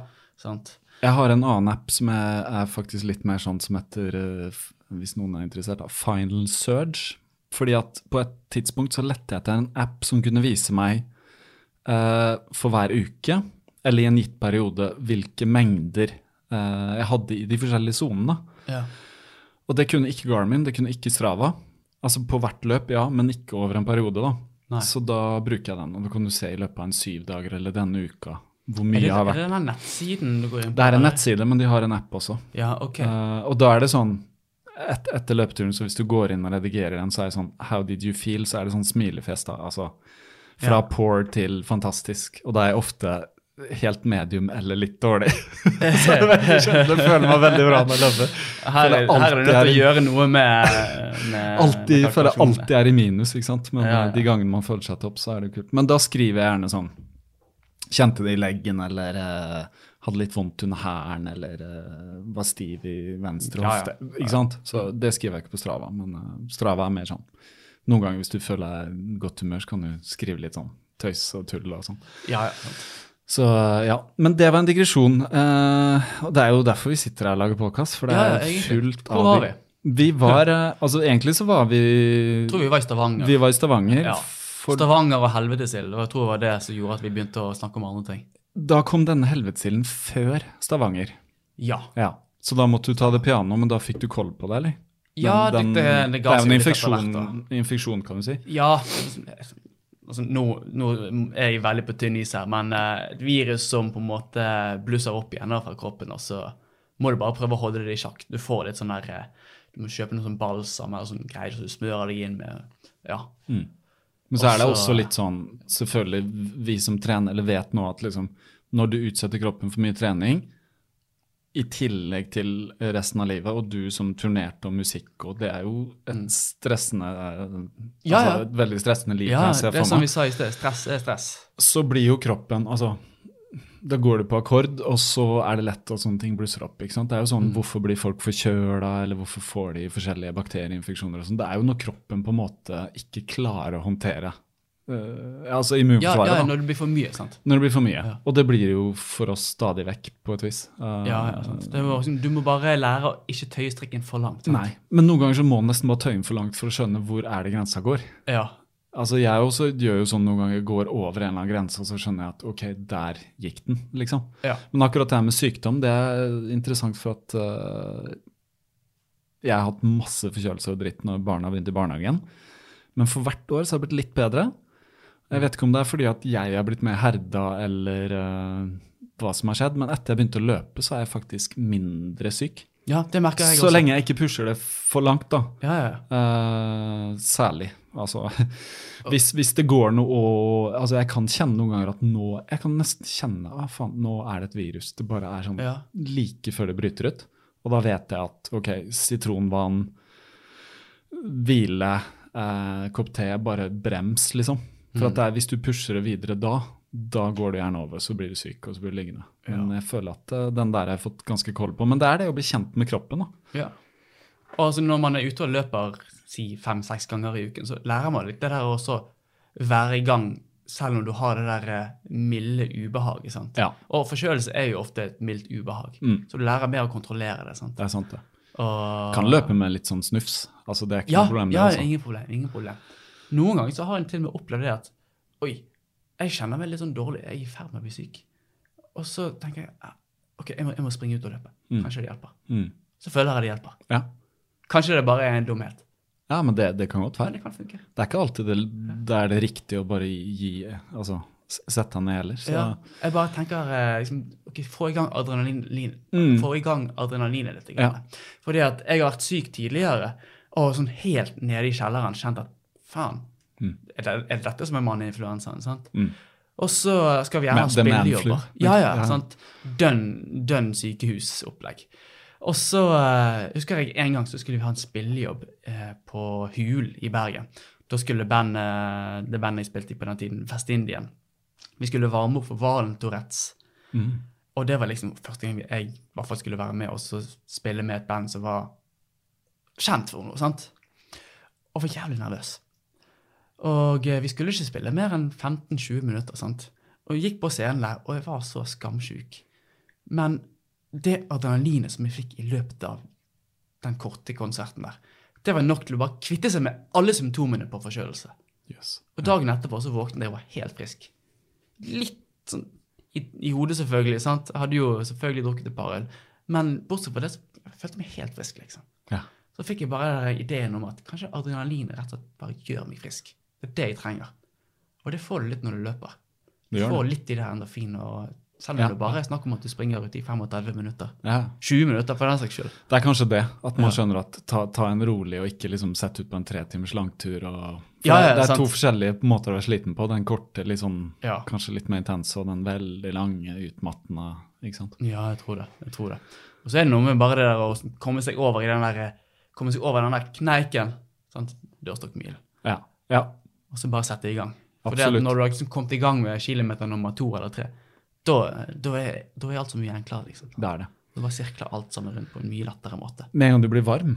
Altså Det er noe med den når kroppen blir varm. Ja, ja, du bare, bare kjenner at det er mange sånne systemer som starter opp, og som på en måte er med til å bidra at dette skal gå bra. Eh, det, er, det er fantastisk, da. Altså Kroppen er jo helt fantastisk til å tilpasse seg. Ja, ja. Den er det. Men man skal passe på den. Det virker som du er sånn noenlunde i vater der. Uh, ba, bare videre, da. Så, så løp du uh, et ganske legendarisk maraton, ser jeg her, i fjor, i 2018. Ja, det kan du trygt si. Det er kanskje den drøyeste, drøyeste tingen. Du har til og med lagt Altså. et bilde. Jævlig bra. Ja. ja. Uh, altså, de som kjenner meg, vet jo hvilken maraton det er snakk om, men jeg kan jo kanskje nevne det først og fremst. Ja. Uh, innenfor maratonverdenen så finnes det disse her marathon majors. Sant? Det er seks maratoner. Det er Tokyo, det er London og New York, selvfølgelig. Uh, du skal vel innom Chicago og eh, B- ja, Berlin. skal vel Berlin, selvfølgelig. Mm. Den siste av de, det er jo den som er kanskje mest historisk sus over, i hvert fall borte i USA. Det er Boston. Mm. Boston Marathon. Det er en sånn, sånn eh, Ja. Next level for de som eh, har lyst til å liksom løpe etter de store løpene. da. Ja. Og jeg tror borte i USA så er dette her liksom det store. sant? New York er selvfølgelig noe, men Boston det er liksom historisk sett det største maratonet. Og der var det sånn det var veldig sånn du er nødt til å kvalifisere deg med tid for å kunne bli med på Boston. Stemmer det. Og det var litt den jeg også siktet mot når jeg skulle springe i Stavanger. For min tid det var at du måtte klare 3.05.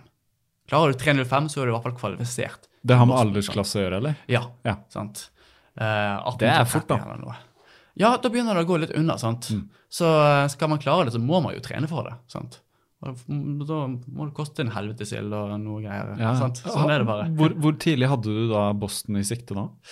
Uh, nei, da hadde vi først og fremst bare en mål om at nå skal jeg se hvor god jeg kan bli til Stavanger Maraton. Bryte tretimersgrensen. Klarer jeg det? Og i så fall, hvor mye klarer jeg det med? sant? Og eh, i Stavanger så løper jeg jo 2.55. 2.55,09, sant, og rett over. Så tenkte jeg ja, ja, det er jo det er jo lov å prøve. Det er lov å melde seg på, så går det ikke, så går det ikke. sant? Og jeg tenkte ikke noe sånn særlig om at ok, ja, du kan bli kvalifisert til Boston, men du må jo komme deg til Boston, og du må jo bo i Boston, og alle disse tingene Men her for, også. hvis sant? du kvalifiserer, får du startnummer da, eller? Eller er det også Ja. et lotteri igjen? Ja, fordi at du eh, melder deg på. Mm. Du betaler eh, for startnummeret, sant? men det går jo selvfølgelig ikke gjennom med mindre du faktisk får plassen. da. Og eh, kostet jo en arm og en legg. sant? Ja. Jeg tror det var 250 dollar jeg måtte ut med. Oh, ja. Ja. Litt billigere for de som er fra USA. Men uansett, jeg tror det har med forsikring og noe greier. Alltid noe. Men eh, meldte jeg meg på, eh, og så tror jeg det tok en eller to måneder før jeg fikk en e-post da, om at ja, vi har, eh, vi har måttet gå gjennom alle resultatene. Noen resultater kan du få godkjent med en gang, men Stavanger var ikke et sånt løp som var registrert som en godkjent løype. Så de holdt meg litt i suspens, da. Men så fikk jeg e-posten. Gratulerer, du skal løpe Posten Marathon neste år. Yes! Nydelig, Ja. sant? Men da var det jo å begynne å trene for det igjen, sant? Et halvt år før eller noe sånt du fikk vite det, eller? Ja, det ble vel omtrent det, sant? Så jeg brukte jo egentlig et, et halvt år bare på å glede meg til å reise til Boston og, og springe Boston Marathon, sant? Uh, Men det ble vin vintertrening, da. Ja, det ble jo vintertrening, sant? Ja, ja. Og eh, Det det, har sine, ja, ja, sant? det har jo sine fordeler og ulemper å, å springe på vinteren også. sant? Du, du lærer deg på en måte det å, å løpe under tøffe forhold, Mm. i hvert fall. Mm. Så det var jo et par løpeturer jeg måtte løpe 30 km i, i ja, i bergensvær. sant? I stiv kuling Ja. og regn og Du, du har jo bodd i Bergen, du vet hvordan det er. Sant? ja, ja, det er tøft. Regner 500 dager i året. For de, for de som ikke har bodd i Bergen, da, så kan du si at vinteren, når den setter inn, så er det på en måte alltid to grader og nordvest av vind. og regn. ja, ja, ja. ja. Det, det, sånn. det er sånn det er, sant? Ja, for det meste. og sånn. Ja, ja, sant? Opp, og, opp og jogge i fjellveien klokken Pluts syv om morgenen. Og så Plutselig er er det det en dag da, som himmelen ja, er blå, ene dagen. og det er kaldt, og vinden står stille og sånn, men da har du smoggen liksom som Ja, ja, sant? Da er det en invasjon over Danmarksplass. Ja, ja, all biltrafikken skal inn til byen som Ja, bare det, er, det er alltid noe. ja, Alltid noe. Sant? Så, så vi heller ha, heller ha regn og nord, nordavind. Ja. Sånn, den, den, ene, den ene lokalavisen har sånn eget eh, barometer på siden som alltid står der i løpet av vinteren. Enten hvor mye snø det ligger, eller hvor mye regn det skal være, eller hvor dårlig luftkvalitet det er over Danmarksplass. Det, eh, det står stort sett alltid i rødt Ja, hvis det er fint vær. ja, Sånn, Så da er det bare å liksom, finne en plass å løpe som ikke er over Danmarksplass. ja. Hvor, hvor løper du da? Nei, altså Fjellveien er jo en standard, sant? Ja. Men, eh, men altså, det er veldig mange morsomme steder å løpe i Bergen, men det, det er sånn jevnt. Mm. Det er mye byløping. altså Man kan jo springe rundt i byen, selvfølgelig. Men uh, Det er slitsomt på langturer. ja, og spesielt om sommeren når du Ja. har 60 000 turister som oh, ja. på ryggen. Sant? Da må du løpe sikksakk og slalåm. Det går jo nesten ikke. Nei. Så uh, Sist gang jeg hadde langtur nå, da sprang jeg faktisk rundt uh, Løvstakkfjellet og uh, forbi Laksevåg og den veien der. Og da var det ja, sånn rundt en, en tremilstur. sant? Mm. Og da, da føler du deg egentlig temmelig alene på veien. og ja, Du har veiene for deg sjøl, rett og slett. Det, det er det som er kult med Bergen. Du kan være i sentrum, og så kan du liksom bare opp på et fjell, eller opp i fjellveien, og sånt, så er du liksom borte Det, alt. ja, det, det her er egentlig helt absurd. For Ja. du kan liksom se for deg at uh, Kalfar, der som jeg vokste opp Kalvedalsveien er tidligere liksom den, den store innfartsåren inn til Bergen sentrum.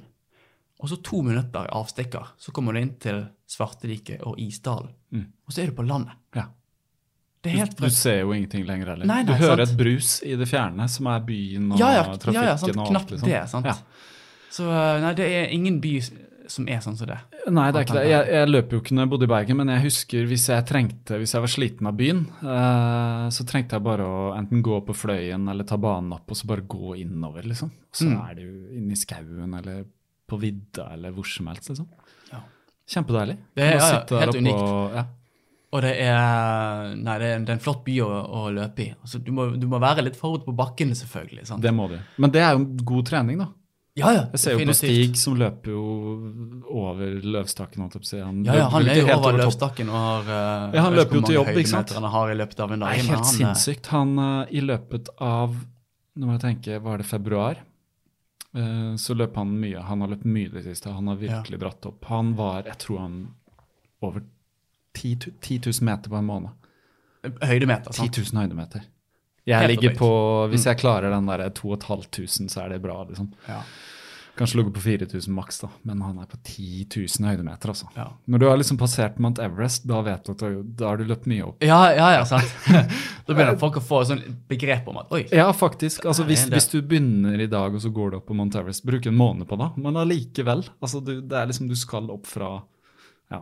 Så det er, eh, men det er god trening. sant? Du, Ja. du får sterke beina. Jeg ser jo han har råsterke beina. og sånn. Ja, ja. Herregud, den siste, den siste tiden så har Stig virkelig begynt å trene. Han har det. Jeg tror jeg Sist Siste uke så eh, løp han over 14 mil. Ja. Så eh, nei, det er virkelig spennende å se hva han skal gjøre de neste Ja, ja, jeg skal snakke med han når vi kommer til Bergen, så det, det blir spennende. Han, han, han vil sikkert perse på Han skal løpe maraton. Han skal løpe maraton. Maraton. maratoner. Mange. Maratonner, ja. Ja, ja, han skal jo til Ja, ja, Færøyene, Ja. og han skal, skal en dagstur til Danmark og løpe København og så tilbake Han skal det. Alle disse tingene tror han skal gjøre i løpet av en, en fire-fem ukers periode. Ja, ja, han har Så tre maraton. Det er jeg som var sånn herre Åh, jeg lurer på om jeg skal løpe sentrumsløp i Oslo eller halvmaraton i Bergen. Ja. Så var jeg sånn, er du, har du lyst, liksom? For da, når jeg kommer til Bergen, så betyr det da må jeg bo hos han og sånn. Og når jeg skal bo hos han, så betyr det egentlig at da må han ta en helg fri fra familien. Og så må Ja. vi dra på hyttetur. Ikke sant? Så liksom, han må han, kan, han, ja, ja. han, Choices, kan godt si, han kan godt si ja til meg, men han må liksom føre seg med kona, passer det, og så videre, ikke sant? Så det må jo passe. Men det, vi hadde jo god tid når vi planla det. Så da, men han gidder ikke løpe halv, han vil løpe hel. ja, ja, ja, sånn det on på han. Ja, så han starter jo, Det er liksom morsomt i Bergen, for maraton starter klokka åtte om morgenen. Og så Mm. starter vi halvmaraton klokka ti. Så sa jeg ja, skal jeg gjøre alt jeg kan for å liksom ta deg igjen, da. Ja. Men det blir det ikke snakk om. Nei, Det det spørs. For eksempel sant, Da skal jeg løpe veldig fort, og han løper litt sakte. Men uh, det var jo det jeg fikk smake motsatt uh, når jeg løp maraton i Bergen. Da kom jo den halvmaratongjengen.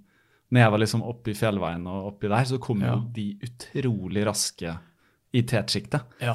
og bare gønne forbi. Og det er litt sånn absurd, altså. Det der må være utfattelig tungt for de som løper Bergen City, Ja. altså fyllestansen der, å komme opp, uh, opp til fjellveien.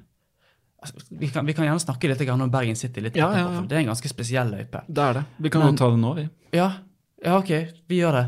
Du skal jo løpe der i år, sant? Jeg skal løpe der i år, og jeg har jo løpt, øh, for de som ikke vet her, jeg løp der første gang i 2016, eh, halvmaraton, og så løp jeg der i fjor helmaraton. Ja.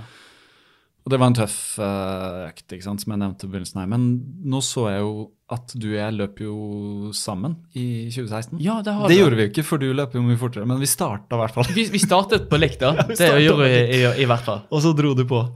Ja. Eh, så da, kom da må jeg tenke litt, kom det da før maratondebuten? Ja, ja, ja, det gjorde det. Det var liksom første gangen jeg liksom hadde bestemt meg for at nå skal jeg liksom gjøre det bra. Nå skal jeg trene mot noe og være målrettet. Så det var ditt første halvmaraton? Ja. Ditt eneste òg, eller?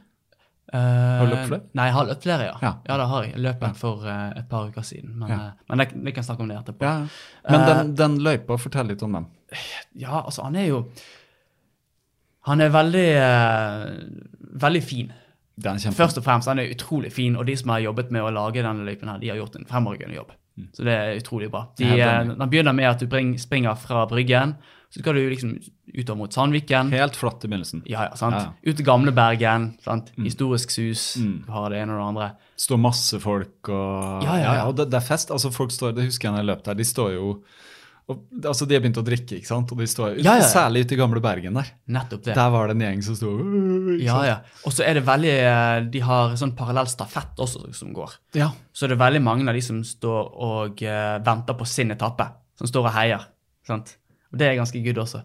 Men i hvert fall, uh, det begynner med at du skal løpe fra Bryggen ut til Gamle Bergen, som er egentlig et slags utendørs museum, da, som er litt utenfor uh, Bergen sentrum. Tre-fire kilometer. Og så begynner du å liksom klatre deg oppover mot, uh, mot fjellveien. Du kommer til Sandviken sykehus, Ja. og så er det en Rett før Sandviken sykehus så kommer den bratte bakken. sinnssyke bakken som er ti 10 eller 12 meter. Ikke Oi, mer enn det. nei, nei, men men da får du en liten sånn innføring i at dette kommer til å bli tøft. Ja. Ja, Og så er det noe vann og drikkestasjon. ja, ja det er, Er det noe greier der. På bunnen der. Helt på bunnen, ja. Ja, det er det, ikke Sant? sant? Ja. Der kan du hive i deg noe drikke. Mm. Men, eh, men uh, det er ikke så jækla lett, for du skal ha alle disse stafettløperne også foran deg. sant? Ja.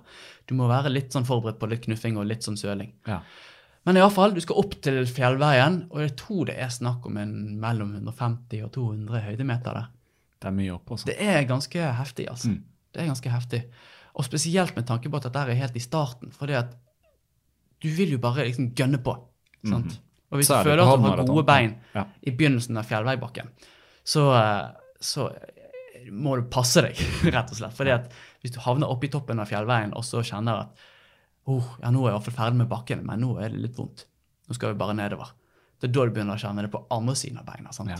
For da skal du ned igjen Bellevuebakken, og så skal du ja, gradvis nedover hele veien. sant? Så når du da plutselig har løpt 10-11 km og endelig har kommet ned til bakkenivå, så skal du rundt Store Longosvannet. Og det er, Hvis du skal rundt hele vannet, så er det vel tre kilometer. Men vi skal ikke rundt hele, da. Du løper langs med ene siden. Ja, Og da er det flatt igjen. Da er det flatt igjen. sant? Men da beina dine er egentlig allerede fått kjenne, fått kjenne det beste av alle verdener. Mm. sant? Oppover og nedover, og du kjenner deg godt i årene. Skal passe deg for ikke å løpe for fort nedover òg, for det, Ja, ja, ja, ja, sant. det er ganske tøft. altså. Uh, du må i hvert fall liksom vite hva du holder på med når du løper nedover. Altså. Ja. For altså, hvis, du, eh, hvis du bremser deg der, det er da det, er da det begynner å bli, eh, Ja. bli virkelig vondt. Ja. Men uh, da har du uh, ja, Si du har sånn 7-8 km igjen av et halvmaraton. Der, da. Og da begynner du å kjenne det, det er ganske kokt, så du må på en måte være litt vant til å jobbe med slitne bein når du kommer til det siste partiet. For du sier jo det at det verste med Bergen City-løypen er de der fjellene og fjellveien og sånn opp og ned. Og det er høyt, det er det. Men sånn i forhold til halvmaraton så er på en måte det det er godt å få det unnagjort med en gang. Men du skal jo også opp på Nordnes nesten helt i slutten også. Den kneika der er Den også tøff. den er temmelig ellevill. Superbratt. Den. Ja. Og Kort, da, men veldig bratt. veldig kort. Ja. Du veldig nesten bratt. i gå eh, altså. Ja, du må nesten gå Ja, litt. ja, det er nesten- Det er litt sånn, du ser, og du er på brostein også. Ja. Sant? Og eh, hvis det i tillegg er en ganske våt dag, så har du virkelig en utfordrende dag for anklene. Og så skal du ned til Nordnesbadet. Det, det er kanskje den bratteste bakken av alle. Det er Ja, ned ja, de ja, siste ja, ja. 100 meterne. Og der er det en drikkestasjon nå, husker jeg. Ja. Der husker jeg kom uh, i maraton i fjor, da. Så kom jeg ned den bakken og bare sånn Ah, du vet, jeg var helt, jeg var helt kjørt og bare kom meg til mål. ikke sant? Og da var det en sånn fyr som sto og delte ut drikke der, da. Ja, hallo, Marius, har du vært ute på en liten løpetur i dag, du? og jeg bare Faen, mobber han meg, ja, liksom. herregud. Ja, velkommen til Bergen. Ja, velkommen til Bergen, det var sånn sånn- breial mobber For det står jo navnet på, ikke sant? står jo navn og nummer og sånn, så jeg bare Ja da, liksom. Ja, ikke sant. Ikke sant. Men det er litt kult, da. Det er litt kult også. Herregud, hvis du står der og jobber frivillig og deler ut drikke, du skal ha det litt moro, da. ja visst. ja visst. Men, det eh, sånn, men det er en rar løype. Sant? For når du kommer løype. ned til det der mellompartiet mellom Store Långåsvannet og, bort til Nordnes, så skal du bl.a. gjennom en park. Du skal gjennom Nygårdsparken. sant?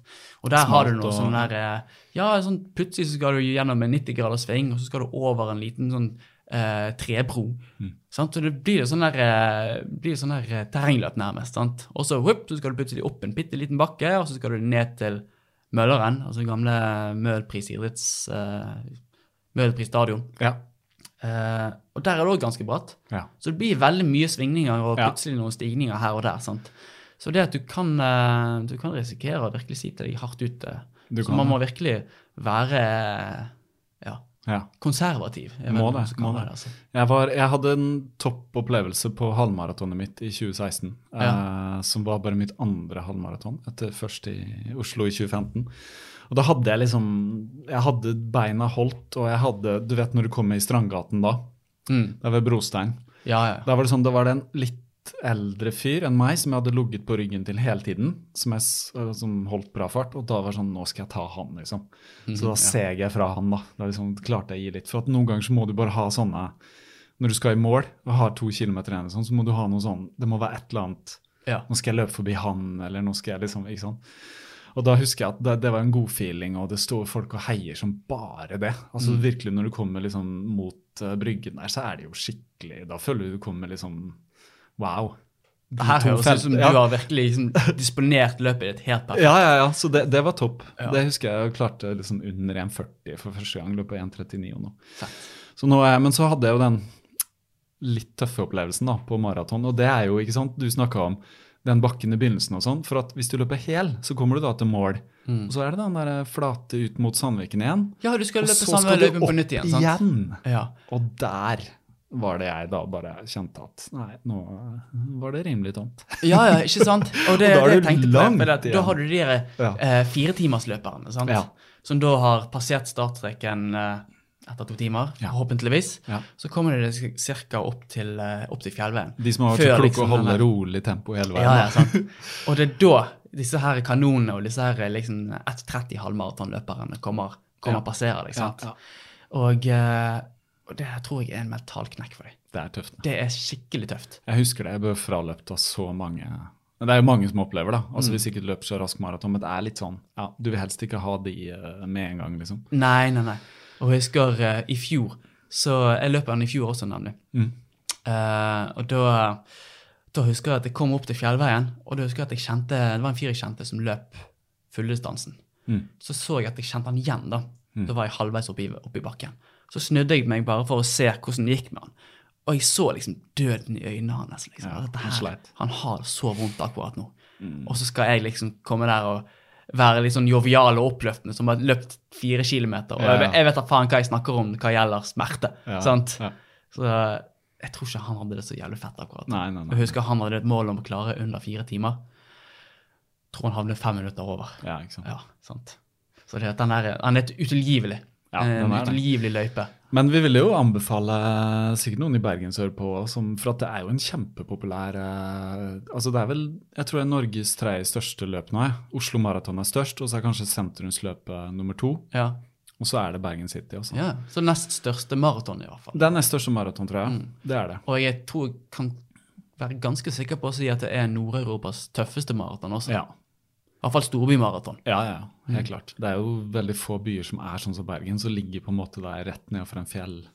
Et fjell. Altså mange fjell, da. Ja, ja, det er jo Så, men, men det, er en, det er en kul eh, løype. Uh, man skulle jo alltid ønske seg, sånn som jeg har sagt, hvis jeg skulle løpe maraton igjen, så har jeg egentlig lyst til å løpe en løype som er en hel sløyfe, da. ja, ja. Altså ikke to runder i én, liksom. Mm. Så man skulle ønske seg at de kunne lagd en som var enda lenger, men jeg skjønner jo logistikken, altså. Du skal stenge en hel by, liksom. Så ja, ja, men det er akkurat det. ja. Sant? Og det er jo sikkert derfor maratonløperen er nødt til å begynne klokken åtte også. Vi, vi bare sjekker tiden her, hvordan vi er eh, Du skal møte Heidi, din kjære. Ja. Når har du Nei, to. Ja, så vi vi har, har god tid. eh, vi har Vi har god tid. Vi er eh, nett passert timen. Vi, vi, vi vimsa så mye på begynnelsen her. det Ja, ja, litt lang tid for å komme Ja, men. Vi må komme oss inn i sporet, liksom. Ja, ja, det, sporet. sånn er det med løping også. Noen ganger så må man vimse litt i starten før man kommer inn i Ja, det er helt sant. Men, inn men jeg ser nå der vi var, da, er jo eh, på Boston. Her er uh, opp, opp. Altså, du, okay. du, du sendte meg et bilde. ja. bilde. Oppløp i Boston Marathon 2018. Snø, regn og 21 km i timen. Motvind hele veien. Ja. Likevel min største opplevelse, løpsopplevelse så langt. Fortell om Boston Marathon, da. ja. Uh, jeg trenger vel ikke snakke så veldig mye om, om uh, treningen i forveien. Altså, Nei, nei. Jeg, jeg trente på samme måte til Ja. Boston som jeg gjorde til Stavanger. Ja. Minus, minus helvete ille, da. Ja. Og så pluss litt ekstra kilometer, Ja. rett og slett. Da hadde kroppen begynt å bli litt bedre og bedre vant til påkjenningen. Du tålte treningen og Ja, sant. Og skjedde det noe nå, så visste jeg hva jeg skulle gjøre. Jeg, jeg begynte liksom å bli vant til bli vant til de forskjellige belastningene. Om vi kan si det på den måten. Uansett. Uh, vi reiste til Boston. uh, så kommer løpsdagen. Men når du sier vi, hvem Ja, det var Heidi og meg Ja. som reiste bort. da. Hun var med? Ja. Heidi var med, uh, og hun, hun var jo ikke med sant, på maratonet. Hun meldte seg på et sånn fem kilometer-løp.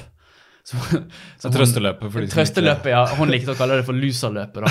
Jeg, ble, jeg hatet når hun sa det der loserløpet. For jeg ville jo at hun skulle måte tenke at fem, den fem kilometeren, den skulle hun liksom gønne. Sant? Men når det kom bort dit til Boston, så var det sånn Hele byen handler jo bare om det maratonet i den uken i forveien. sant? Så det er sånn, du går inn på en butikk så bare Oh, you're running the marathons! Oh my God, that's insane! Sant? Og så spurte de hun det samme. Are you running as well? Og, bare, og så sier hun jeg skal løpe fem kilometer. Oh! OK, that's cool too. Det blir liksom Ja, Det kan jo ikke toppe. Ja, ja, sant. Det, det var litt drit. Men, Ja. men, men la gå. Uh, Men mange, mange, mange var... er det som starter i, i Boston? Hvor mange er det på startstreken? Jeg lurer på om det var Alt, 30 000 eller 40 000. Ja. Og det, det er det det er plass til? Ja. Ja, ja, sant. Eh, og så går det jo puljevis, sant. Det her er som alle de store løpene. Uh, og jeg hadde fått uh, startnummeret mitt var vel eh, startnummer 2000 og noe, sant. Så det var en ganske tidlig pulje. Det var basert på tiden min, da. Det er sånn at den, den tiden du presterer, da får du et startnummer basert på det, sant. Så eh, i forhold til startnummeret mitt, som var 2004 eller noe, så kan vi liksom ans anslå at jeg var omtrent den 2400 raskeste tiden. da. Ja. Så det var på en måte sånn, ja Kunne være, være litt sånn forberedt på at det var det jeg skulle klare. Mm. Men i hvert fall, det som skjedde, og som ingen var forberedt på, var jo at været var jo på det verste noensinne. Historisk sett kanskje den verste dagen for løping i, i Bostons historie. Uh, og det her, her hadde jo de sett dagene i forkant også. Man sjekker jo værmeldingen sant, hver eneste dag. Og det var sånn vær som det er i Oslo nå i dag. Det er, det er mildt. Nå er det mildt, i hvert fall. Uh, litt sånn overskyet, lett overskyet. Fint sånn persevær. Bortsett fra den ene mandagen. For det er Marathon Monday. De løper alltid på mandag. Uh, og da skulle det være snø, pissvær og uh, motvind stort sett hele veien. For dette er jo, Boston er jo en rute du løper fra et punkt Ja. til et annet. Altså Det er ikke noen sløyfe sånn som andre maraton. Nei. Så det som skjer, er at klokken seks om morgenen så blir du stuet inn i sånne skolebusser, og så blir du kjørt til starten. Og den ligger i Hopkinton, som er ja, 42 km utenfor Boston sentrum. Ja, Så det er en god kjøretur òg, da. Ja, ja, sant. Ja. Og den kjøreturen, den var ikke noe god. Oh, du ser ut vinduet og bare Nei, du ser ut vinduet, sant? og du, har, du er egentlig allerede klissfått, for du har kommet ut fra, fra toget, Ja. Og skal inn på bussen, og bare på de 400 meterne så er du allerede våt. Og da så du liksom rundt deg folk bare var sånn der Er det dette her vi har trent for? Sant? Folk Folk, gikk i sånn, splitshorts og singlet, Oi, oi, oi. og det var, det var Barentsburg-tendenser. sant? Å, oh, den turen. Så vi, ja, så vi, eh, ja, vi dro utover mot, uh, mot Hopkinton og sludd på ruten, og i veikanten så så du snø. liksom? Bare, alle, alle sammen skjønte bare dette kommer ikke til å bli noe gøy. Og vi kommer ut til startområdet, og altså, det, det føltes som en flyktningleir. Uh, alle, alle bare satt der og frøs og hutret, hadde på seg sånne plastikkpledd og det ene og det andre. Fikk noe kaffe og noen boller med rosiner i. Og så er jo sånn, du er bare nødt til å være der, sant? Og det eneste du hadde lov til å ta med deg, dette var jo Boston, sant? Du hadde jo hatt den her eh, terror... Det var året før som- det var fem år før eller noe Ja, sånt. ok, det var, ja. Så det eneste du kan ha med deg, det er jo bare en, en liten plastikkpose, gjennomsiktig, med det mest essensielle. Sant? En flaske vann og kanskje et eple, eller hva det skulle være. Sant? Det var det du hadde lov til å ta med deg.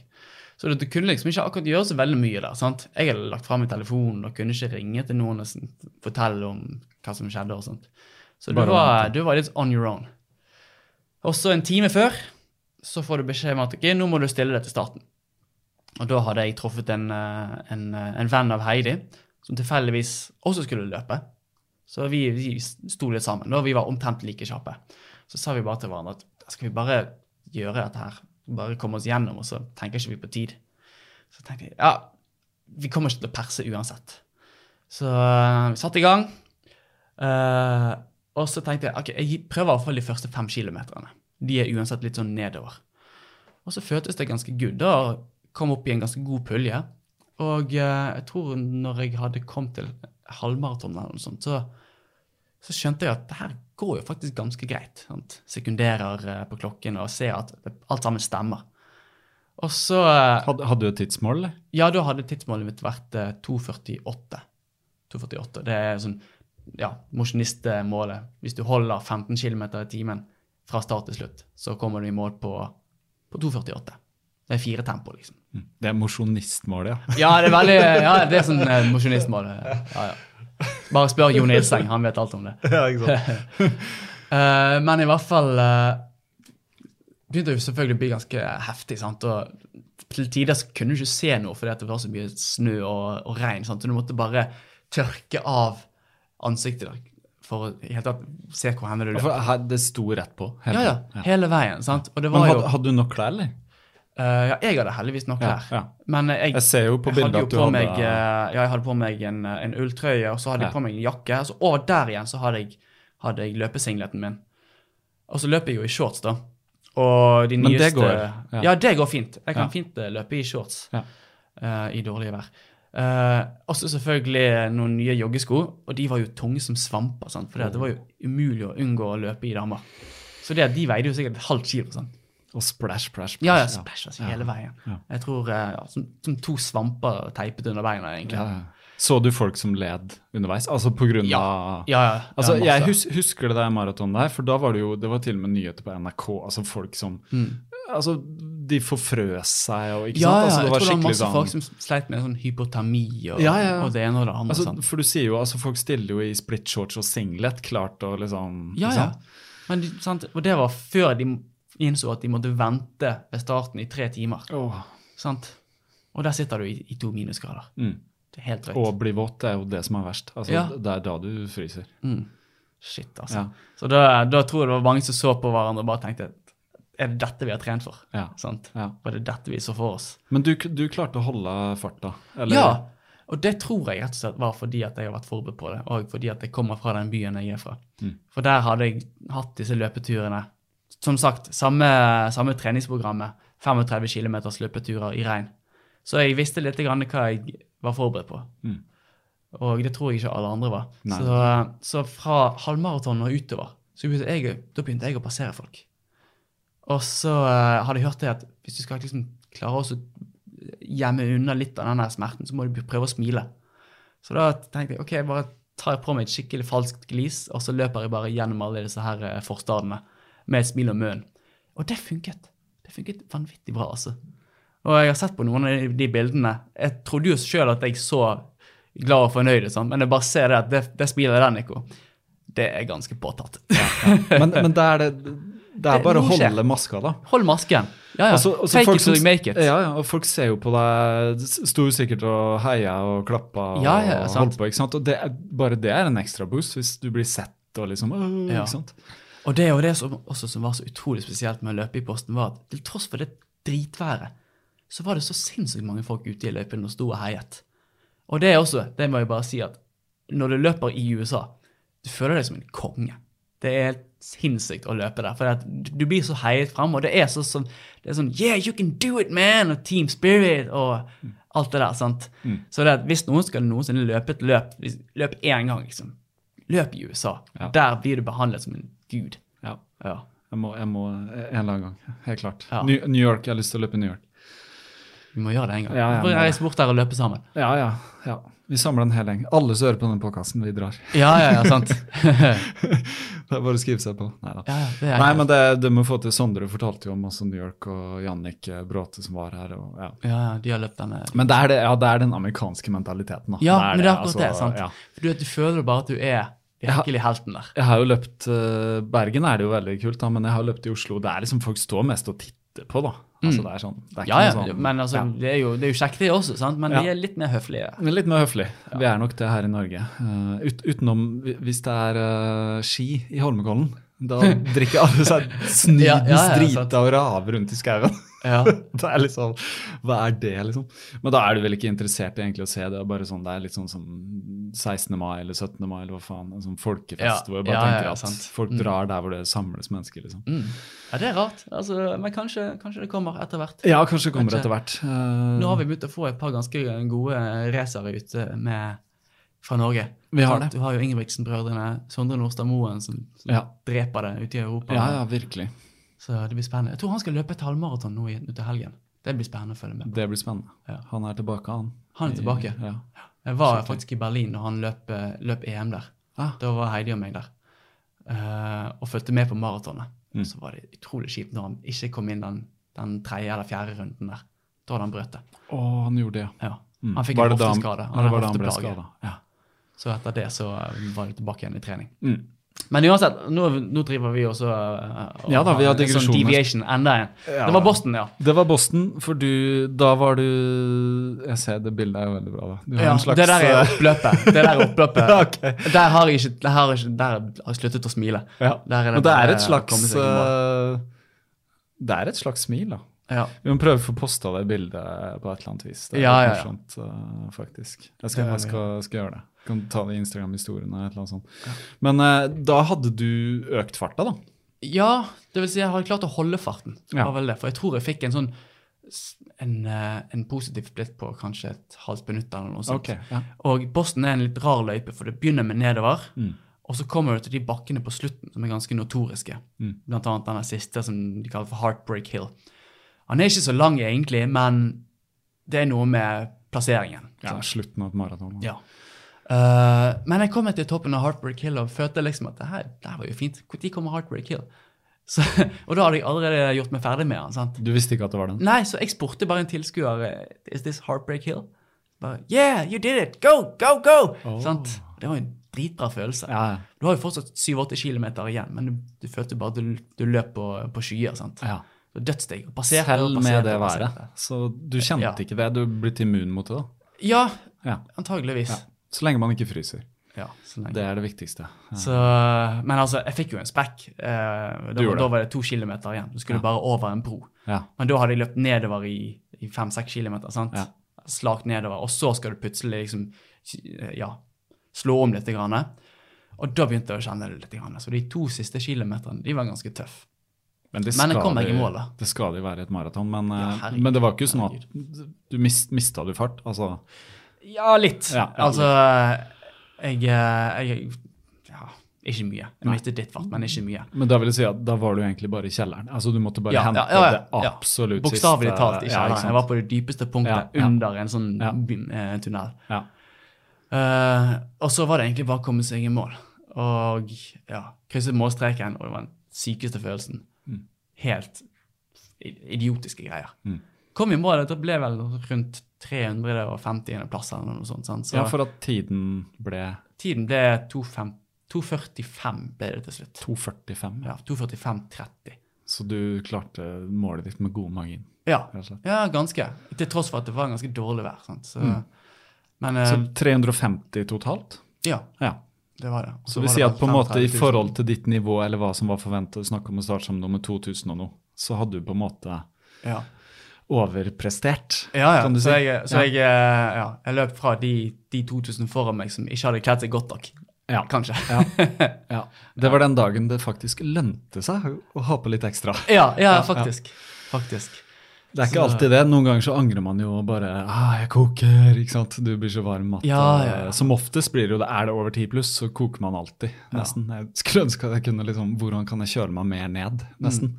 Men, eh, men så var det bare sånn at noen ganger så bare, du bare glemmer det. Ja. Sant? Eh, og det tror jeg skjedde der også. Ja. Du bare glemmer, eh, du glemmer alt som er vondt. Det høres sånn ut. Mm. For det er jo et, når det ikke går så bra et maraton, er når du fokuserer på alt som er så ille Ja. og vondt. Sånn Ja, ja, som min nemlig opplevelse de siste liksom, ti kilometerne. Ja, og sånn som du sa når du hadde to kilometer igjen av Bergen. Bergen City, så så du for deg at Mm. nå, skal jeg, nå skal jeg gå forbi han der fyren der. Og hvis du, har, hvis du har tøyd strikken litt for langt, så klarer ikke du å tenke Nei, på sånne nei, ting. nei, nei. Da tenker du bare liksom, åh, jeg har vondt. Ja, du har da er du bare en sone. Du, du er bare 30 cm foran deg hele tiden. Ja, altså, du, du klarer jo ikke å se i, i det hele tatt.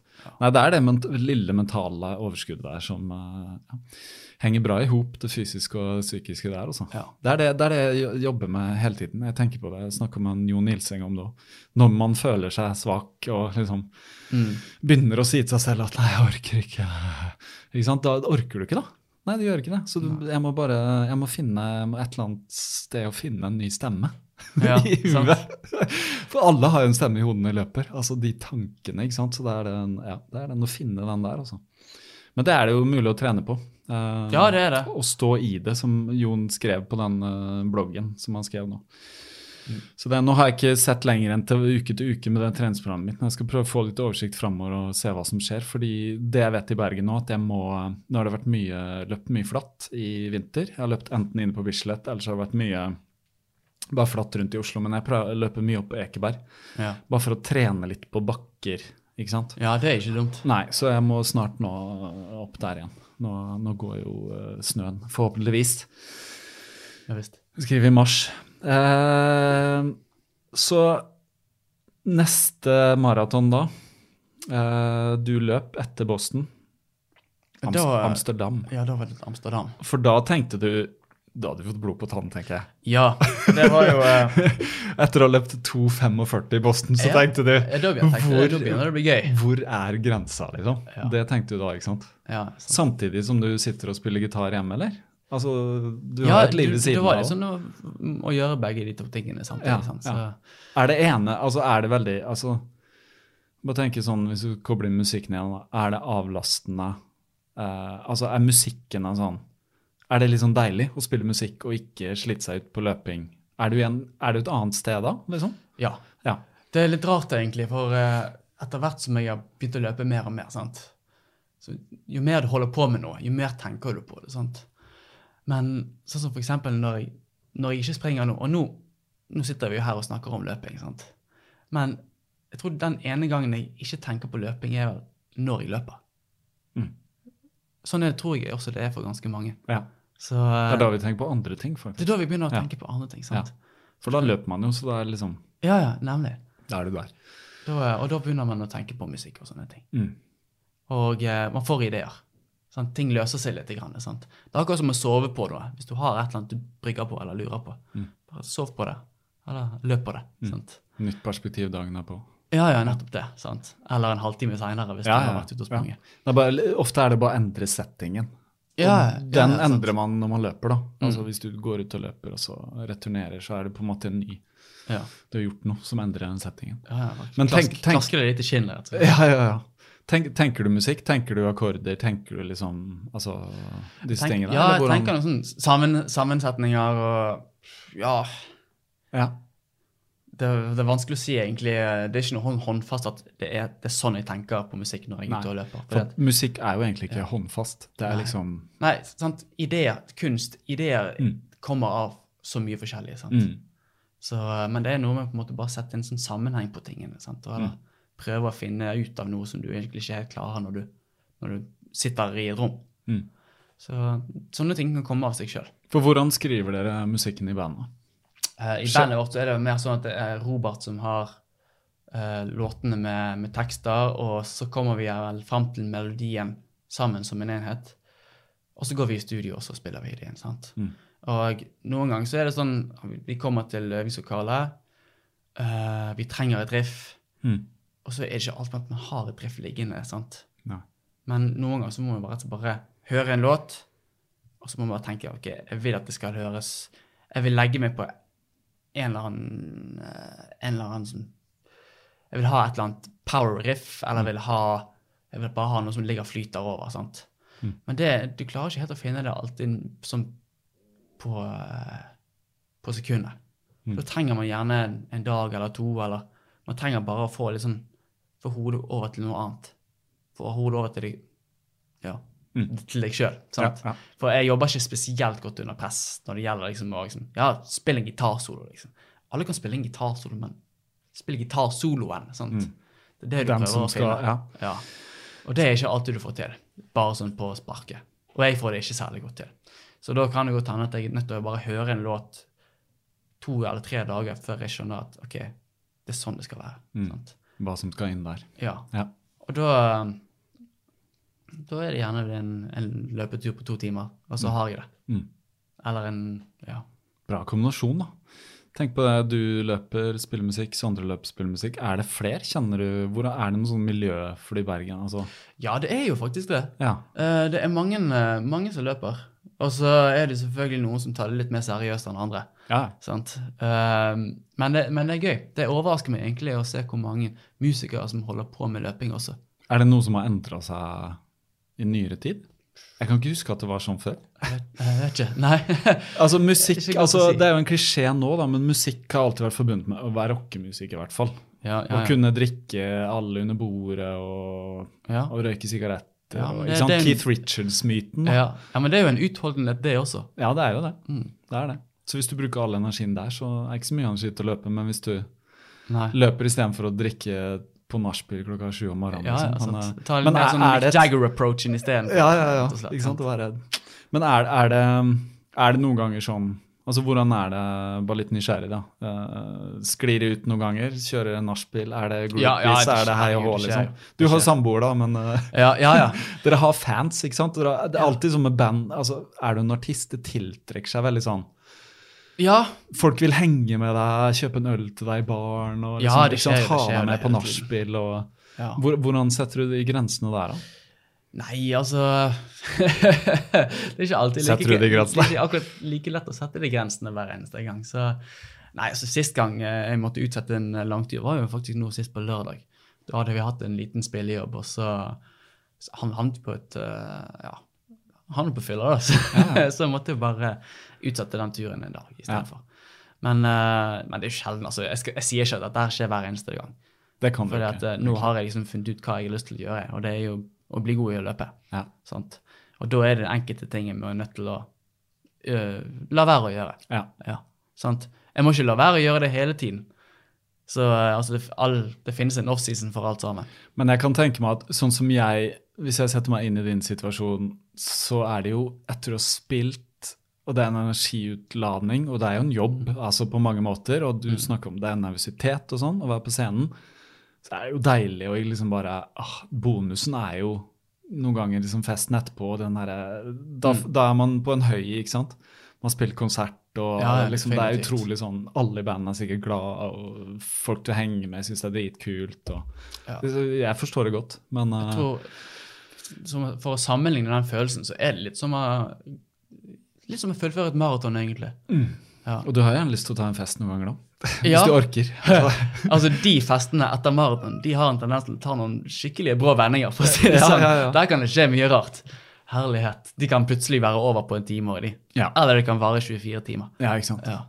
Det kommer det an på. Noen ganger så er det tom etterpå, og så er det Jeg har ikke hatt noen sånne Jeg er jo familiemann og sånn, og når, når jeg løp maraton med Stig, så trakk vi oss pent og pyntelig tilbake til hytta, og så lagde vi mat, og så satt vi og drakk utover kvelden. Men jeg kan Ja. ikke huske at vi var så lenge våkne akkurat. Nei, nei, nå akkurat det. sant? ett For du har jo, du har jo kjørt deg i grøften, sant? Ja, skikkelig, skikkelig. og så skal du begynne å feste. Men det var, jo, det var jo deilig, da. Altså Bare Mm. å spise seg god og mett og sette seg beina høyt og bare drikke vin og høre musikk. Ja, ja, sant. Du, altså, du har jo full i, eh, full i masse vondter overalt. Ja. Men du kjenner likevel bare det at det, det dirrer, liksom. Ja, det gjør det. Det gjør deilige dirrefølelsen. Ja, visst, visst, visst.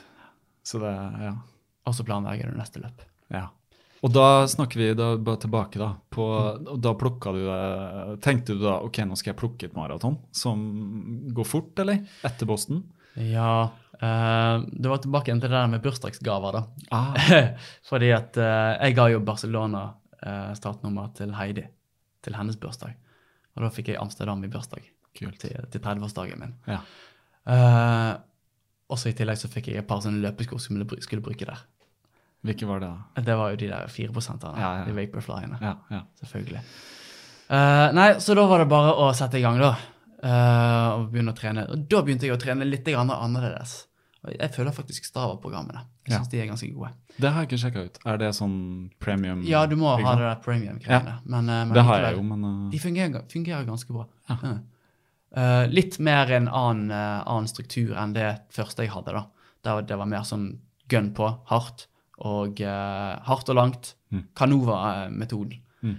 Mens her var det mer sånn ok, du må bare time on feet. ja. Holde det gående. ja. Og det likte jeg. Jeg likte å få litt sånn et annet perspektiv. For det at hvis du skal trene etter maraton, hvis du skal trene et maraton Hvis du skal trene til et maraton eh, flere ganger, så må du nesten få litt andre innfallsvinkler, for ellers så kommer du bare til å grue deg. Sant? Du får ingenting, ingen ny input. Så det var greit å få litt nye måter og nye mønster. Og så igjen, sant, jeg var kommet opp til et visst nivå på eh, kilometer i uken, og så var det bare å øke det enda litt mer. sant? Mm. Da var det plutselig sånn ok, nå er jeg på ni mil i uken. Klarer jeg liksom ti mil i uken. sant? Og du ser jo det at det er det som hjelper. sant? Du blir god på ting når du holder på med ting. Så eh, By, bygger, ja, bygger sakte mengder, da. Ja. Det er jo, Jeg har lest litt om det, og det er jo alltid blant de som liksom har trent kanskje hatt et helt liv som løper, da, og så har de blitt trener og sånt, så er det jo den derre pass på at det ikke øker for mye, da. Ja, Så du, ja, du hadde det litt i, i mente, kanskje? Ja, litt, sant. Ja. Noen ganger så bikker man det, men så kjenner man ok, det gikk greit. Ja, ja. Ikke gjør det en gang til. Liksom, Nei, ikke sant. Så det er greit å bare vite sånn noenlunde etter hvert. Mm. Og det lærer man jo etter hvert som man holder på også. Ja. At uh, ok, du kan, men du bør ikke. sant? Og det, det, det gagner deg ikke hvis du løper en ekstra løpetur nå. Nei. sant? Det er det som er kunsten. Noen ganger så tenker jeg også, ikke sant, det står et eller annet i programmet, så tenker jeg er det nå lurt å løpe den, eller burde jeg bare la være? Mm. Og det er ofte jeg tenker sånn, altså, ikke sant, i forhold til restitusjon og sånn. Ja. En ting er liksom å, å tenke som en løper, men når du begynner å tenke som en trener, Ja. det er liksom da du begynner å, Ja, da begynner du å forstå ting. ja det er det. Mm. Det er bedre. Jeg leste faktisk digresjon, også, men eh, jeg leste nå eh, den boka til han Gjert Ingebrigtsen. Ja. Altså det er bare sånn, jeg, bare, jeg går mye på biblioteket da. Jeg låner masse bøker der, Uh, både til meg og mine barn. Og så bare bestilte jeg den, og så så jeg det var et kjempelang ventekø. Så tenkte jeg når den kommer, så kommer den. Og så kom den til slutt, og så leste jeg den. Og det er en sånn bok du kan lese gjennom på Ja, den, den, den går fort unna. Den er lett, Ja, ja. ikke sant. Så, men der, altså, han er jo øh, litt av en karakter, da. øh, på, på veldig mange måter. Men han er jo en klok trener. Han er veldig klok, altså. Ja, ja, ja. Altså, I hvert fall det funker for de der, men jeg vet ikke om det kunne funka i noe annen dynamikk. Altså, jeg tror For å liksom følge hans opplegg, så må du nesten ha et utrolig nært forhold til han, sånn som de sønnene har. Mm. Rett og slett. Men jeg vet ikke, har du lest den, eller? Ja da, jeg har lest den også. Og jeg er jo egentlig veldig enig i det han sier også, at ok, hvis du skal bli verdens beste, så må du bare gjøre de tingene som jeg sier. Ja. No offense. Men eh, ok, dere er sønnene mine. Jeg er glad i dere, men har dere lyst til å bli så gode som dere kan, så må dere høre på meg som trener også. Mm. Ja. Og det er jo der, der, der, er der du ser forskjellen. For mange er jo sånn åh, liksom, pusher inn i barn og sånn. Mm. Nei, han er altså han, det, det som er viktig, da, tror jeg, at han bare eh, er helt tydelig på Vil dere dette? Mm. Ikke sant? Ja, Det er de som må ville det. Og sånn er det jo med oss som ikke har noen trenere. Altså, Vi må jo ville det. Mm. Altså, jeg vil jo på en måte alltid løpe, jeg vil bli bedre og sånn, men så er det det der å bli litt erfaren og skjønne når du skal gi deg og sånn. Og det virker jo som han skjønner òg. Han er jo Mm. veldig sånn Han passer jo utrolig godt på deg. Men så bikker det jo over, da. Det var Ja. én ting jeg reagerte på i den boka. eh, det var flere ting, da, men jeg kan være sånn jeg, jeg er veldig forståelsesfull, så jeg kan forstå på en måte de mest ekstreme mennesker. da. Mm. På et eller annet vis kan se ting fra to vinkler. ikke sant? Men det han skrev, så jeg reagerte litt på og tenker at åh, der gikk han litt langt. Det var Han skrev om en sånn episode med Henrik Ingebrigtsen Det det og, og kona. si, ja. Ja. Skulle, skulle feire bursdagen. og Ja, så den sånn- jævla chipotle. ja, ja. og så ville de lage noe ordentlig mat og sånn. Og Mm. så liksom begynte han å rakke ned på det og si hvorfor bruke energi på det? Hvorfor kan dere ikke bare servere en kjele med pølser? Så tenkte jeg bare sånn Ja. Nei, kom igjen, liksom. Den er Nå- en dag, ja, ja, ja. Det, det, det. Så jeg, jeg skjønner nesten ikke hvorfor han nevnte det engang. Og så på andre siden så blir han sånn å, liksom, å, redd for ødelagt forhold til Henrik og ikke sant. Ja. Så tenker jeg ja, men noen ganger så gi litt, liksom. Den ene gangen, sånn som du sier, den ene gangen du da går på fylla. Mm. Det er ikke den som velter. Det er jo det, mest, det du gjør det meste av tiden. Nei, sant. Altså sant? bare Hva er det engelske ordet? Consistency. Eh, Uh, Ja. ja. Det, ja. Uh, Konsistens er vel ikke akkurat riktig ja, ord på det. ja, ikke sant. Hva er det norske ordet for konsistensi? Jeg vet ikke. Det er kontinuitet. Kontinuitet. Nettopp. Ja. Ikke sant? Og det, det, og det det snakka jo. Jon Nilseng om. Altså, det er jo det. Det er jo det. Kontinuitet. Og du har kontinuitet, jeg har kontinuitet. Det er en av de tingene jeg tenker på hele tiden. Det er sånn, jeg om, når jeg starta denne podkasten, så jeg om, liksom, begynte jeg, og så forteller jeg om at jeg har løpt Når jeg starta denne podkasten, så hadde jeg 200 uker på rad med løping. da, Ja. uten avbrudd. Altså vil si i nesten fire år. da. Altså, nå kan du si at det er fire år, da, siden det er mars for fire år siden. Så har jeg løpt hver uke. da. ja. Sant? Hver eneste uke. Ikke gå glipp av én eneste uke. Ja, det har vært noen uker hvor jeg har løpt ti kilometer. Eh, fordi det ble bare én tur, fordi jeg hadde vært syk eller et eller annet sånt. Men hver eneste uke så løper jeg. Og hvor langt har ikke du løpt da siden den gangen der? Ja, tusenvis, tusenvis av kilometer. Altså, det er vel så å si hele Strava Ja, Jeg, jeg, jeg begynte jo med Strava i når jeg begynte å løpe, så alt er jo på en måte der. Mm. For meg. Nei, jeg vet ikke. 7000 eller noe sånt. har jeg, Det er kanskje. heftig, altså. Ja, men det er jo sikkert. Hvor, hvor mye har du løpt da, totalt på alle disse årene? Jeg vet ikke, for det var jo i 2017 var liksom det året det begynte, da. Ja. Og da tror jeg jeg klokket inn rundt 2000 km. Og så i fjor ble det vel fire, kanskje? ja så du, du dobla på et år? Det Ja, det var ikke planen. Det var Nei, ikke planen. nei. Det var liksom, Jeg skulle løpe 3000. Det var liksom Ja, ja. Men du og så, hadde og så kom Amsterdam, og så, Ja. ja. og så ble det bare sånn. Ja. Kroppen begynte å forstå at dette her, er- det her er noe du kan faktisk holde på med. sant? Mm. Og nå hittil i år så har jeg vel rundt en 1400. Ja. Skal se om jeg kanskje klarer å komme opp på fem, kanskje seks. Ja. Vi får se. Wow. Vi får ja. Og da, det tenkte jeg på, da. Eh, før sånn, det, det han Gjert skriver om også eh, Bare dobbeltsjekke tiden før vi Ja, nei, det er ett. Så ikke vi Kvart over ett. Ja, det går bra. Må rekke å ta et bilde òg, vet du. Ja, ja. Uh, ja, for det han skriver om, er jo det her med talenter da, i Norge, og løpetalenter og sånn. Og det er jo åpenbart at vi er en idrettsnasjon når vi ser på sånn uh, skøyter, holdt jeg på å si. Ski. Mm. Ikke sant? Mange som er gode på ski. Men det han skriver om at det er ingen som plukker opp løpere. Og det nevnte jo Jon Nilseng i forrige episode. Var liksom ingen, han var god på 3000 meter. Det var ingen som gikk bort og sier sånn Hei, du, Nei, du har noe for deg der. Eh, Kanskje vi skal sette deg litt i system, liksom. Ja, sant. Og det virker som der er vi helt u-land i Norge. Det er jo ikke noe rart. altså Vi snakker om å, bare løp fra Kenya. Ja, men de har jo altså Mm. Der Altså, er det jo jeg- jeg- enhver gutt som vokser opp, som kan løpe til skolen, tenker jo sånn Ja. Wow, jeg kan gå ut og bli verdens beste maratonløper. Mm. Mens i Norge er det sånn Ja, vi kan bli gode på ski hvis vi orker og liksom alt det der og med utstyr og sånn, mens løping er det sånn. Så jeg tenker på med deg, da. Ja. Det er kanskje litt sein å bli liksom verdensmester, men ja, eh, selvfølgelig. selvfølgelig. Men eh, nei Jo, både, både ja og nei. For det, det, det finnes jo, men det er Ja. kanskje ikke like, like mange som, eh, som det er sånn innenfor ski. For vi er jo, en, vi er jo verdens største skinasjon, det er vi. men vi er langt fra verdens største løpenasjon. Men vi kunne vært altså sånn på Ja. europanivå. Så- Du ser de som virkelig satser. da. Ja. Du ser de Ingebrigtsen-brødrene. Eh, selvfølgelig talenter og sånn, men de har jo på en Mm. måte gjort veldig mye riktig. da. Ja. Så det virker som at de som, liksom, de som plukker opp løperne her i Norge, Mm. det er på en måte ildsjelene. Ja. Mens de som plukker opp skiløperne, det er på en måte de som tjener penger på dette. Ja. sant? Men der er det jo et system da, med Mm. Olympiatoppen, hvor liksom du kommer innunder. ikke sant? Det er masse penger til det her og Ja. sånn.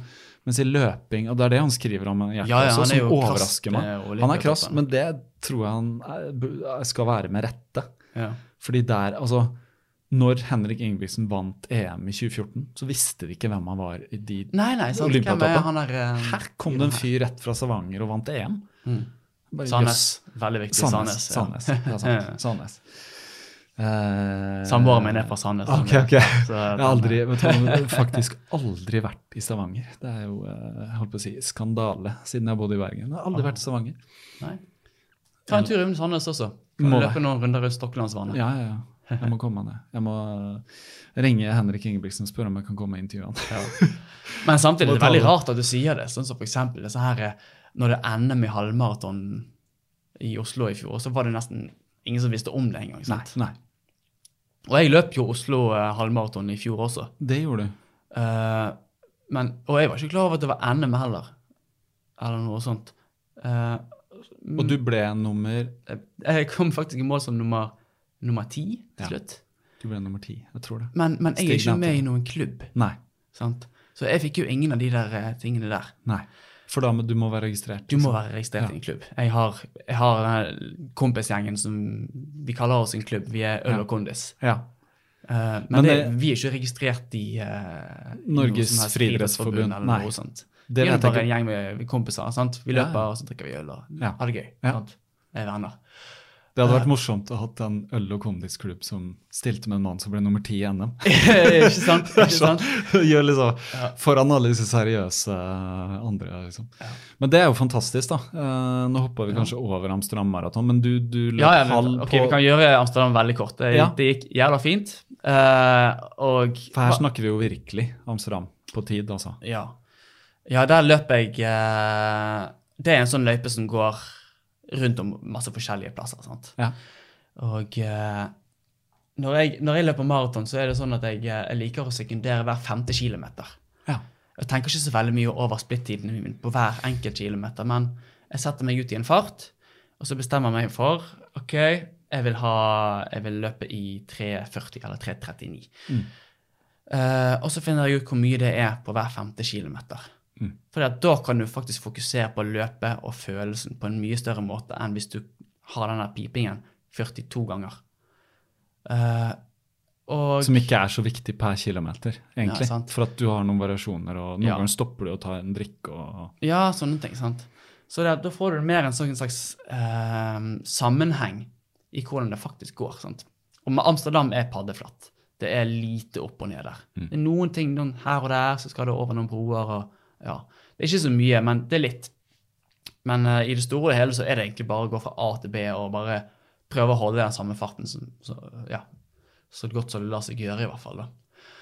Uh, nå var jeg i ferd med å gå inn på en digresjon. Jeg skal prøve å holde meg unna. For det virker som at enkelte av disse tingene Det er mer interessant med build-upen til uh, maratonet enn selve løpet i seg sjøl. Er ikke det litt rart? Jo, Jeg tror kanskje det er noe med det der at noen ganger så er det bare veien som er målet. Mm.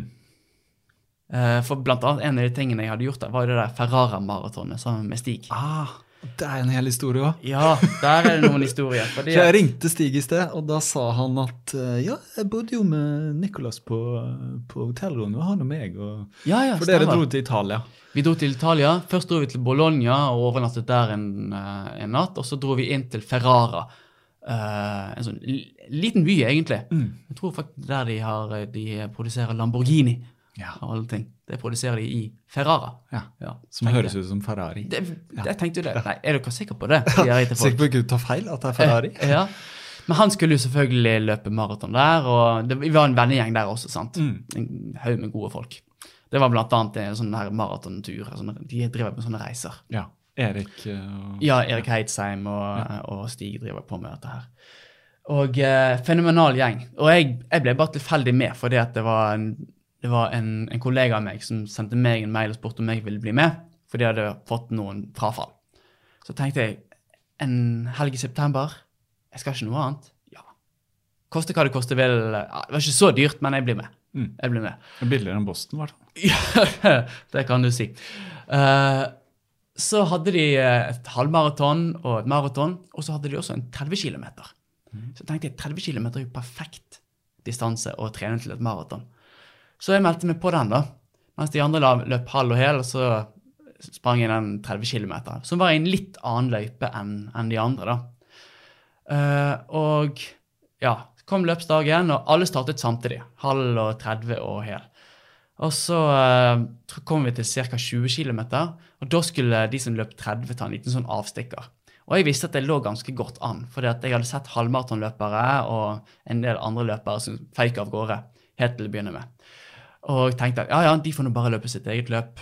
Jeg er her for å trene til noe større. Mm. Hvor lenge var det før uh, Tre uker. Ja. Ja, så det er jo perfekt. Uh, og så eh, kommer jeg til 20 km og ser liksom at ja, det var en ganske god tid. sant? Splittidene mine var på rundt 3.37-3.38. Uh, og så kom jeg til 21 km og følte meg fortsatt frisk. Det her går jo kjempebra. Så plutselig så kommer jeg inn på 24 km. Bare kjenner jeg Hallo? Jeg hadde ingen foran meg, ingen bak meg. Men plutselig så var jeg inne i halvmaratonløypen. Og skjønte ingenting, sant? Og bare løp i limbo. Jeg ante ikke hva jeg hadde gjort. Hadde jeg, hadde jeg eh, hoppet over en del av løypen? Har jeg jukset nå? Kommer jeg til å bli disket? Eh, og nei, det var ikke 24, det var 27. Så jeg hadde bare plutselig hoppet over ja, nesten en halv mil, sant? Oi. Men så tenkte jeg greit, jeg får nå bare løpe, og så får vi se hva som skjer når jeg kommer i mål. og eh, kommer inn til Ferrara, inn der med start- og målområdet. Inn over målstreken. Skjønner ingenting. Alene? Ingen snakker engelsk. Og jeg må bare prøve å liksom, finne noen som kan være tolk for meg. Og så sier jeg til dem at hei, jeg har løpt 30 km, men jeg har ikke løpt 30 km. Hva har jeg gjort feil? Og så prøver de å finne noen officials. Finner en til slutt. Så sier de 'Å, har du løpt 30 km?' 'Ja.' 'OK, hvilken plass kom du på?' Uh, så fikk jeg en sånn brikke og en konvolutt. Ja vel, hva skal jeg med dette? Åpner konvolutten. Så står det noe greier på italiensk, selvfølgelig. Så står det blant annet noe med noe, noe, noe euro, noe 100 euro og noe greier. Så, ja vel, har jeg vunnet de greiene, hva? Skjønte ikke hva som var i ferd med å skje. Så jeg måtte jo få en tolk til for å tolke dette brevet, der det sto eh, at eh, jeg hadde kommet på blant de fem beste eller noe, og da ville du få en pengepremie. Men så hadde de funnet ut at jeg var kommet på sjetteplass.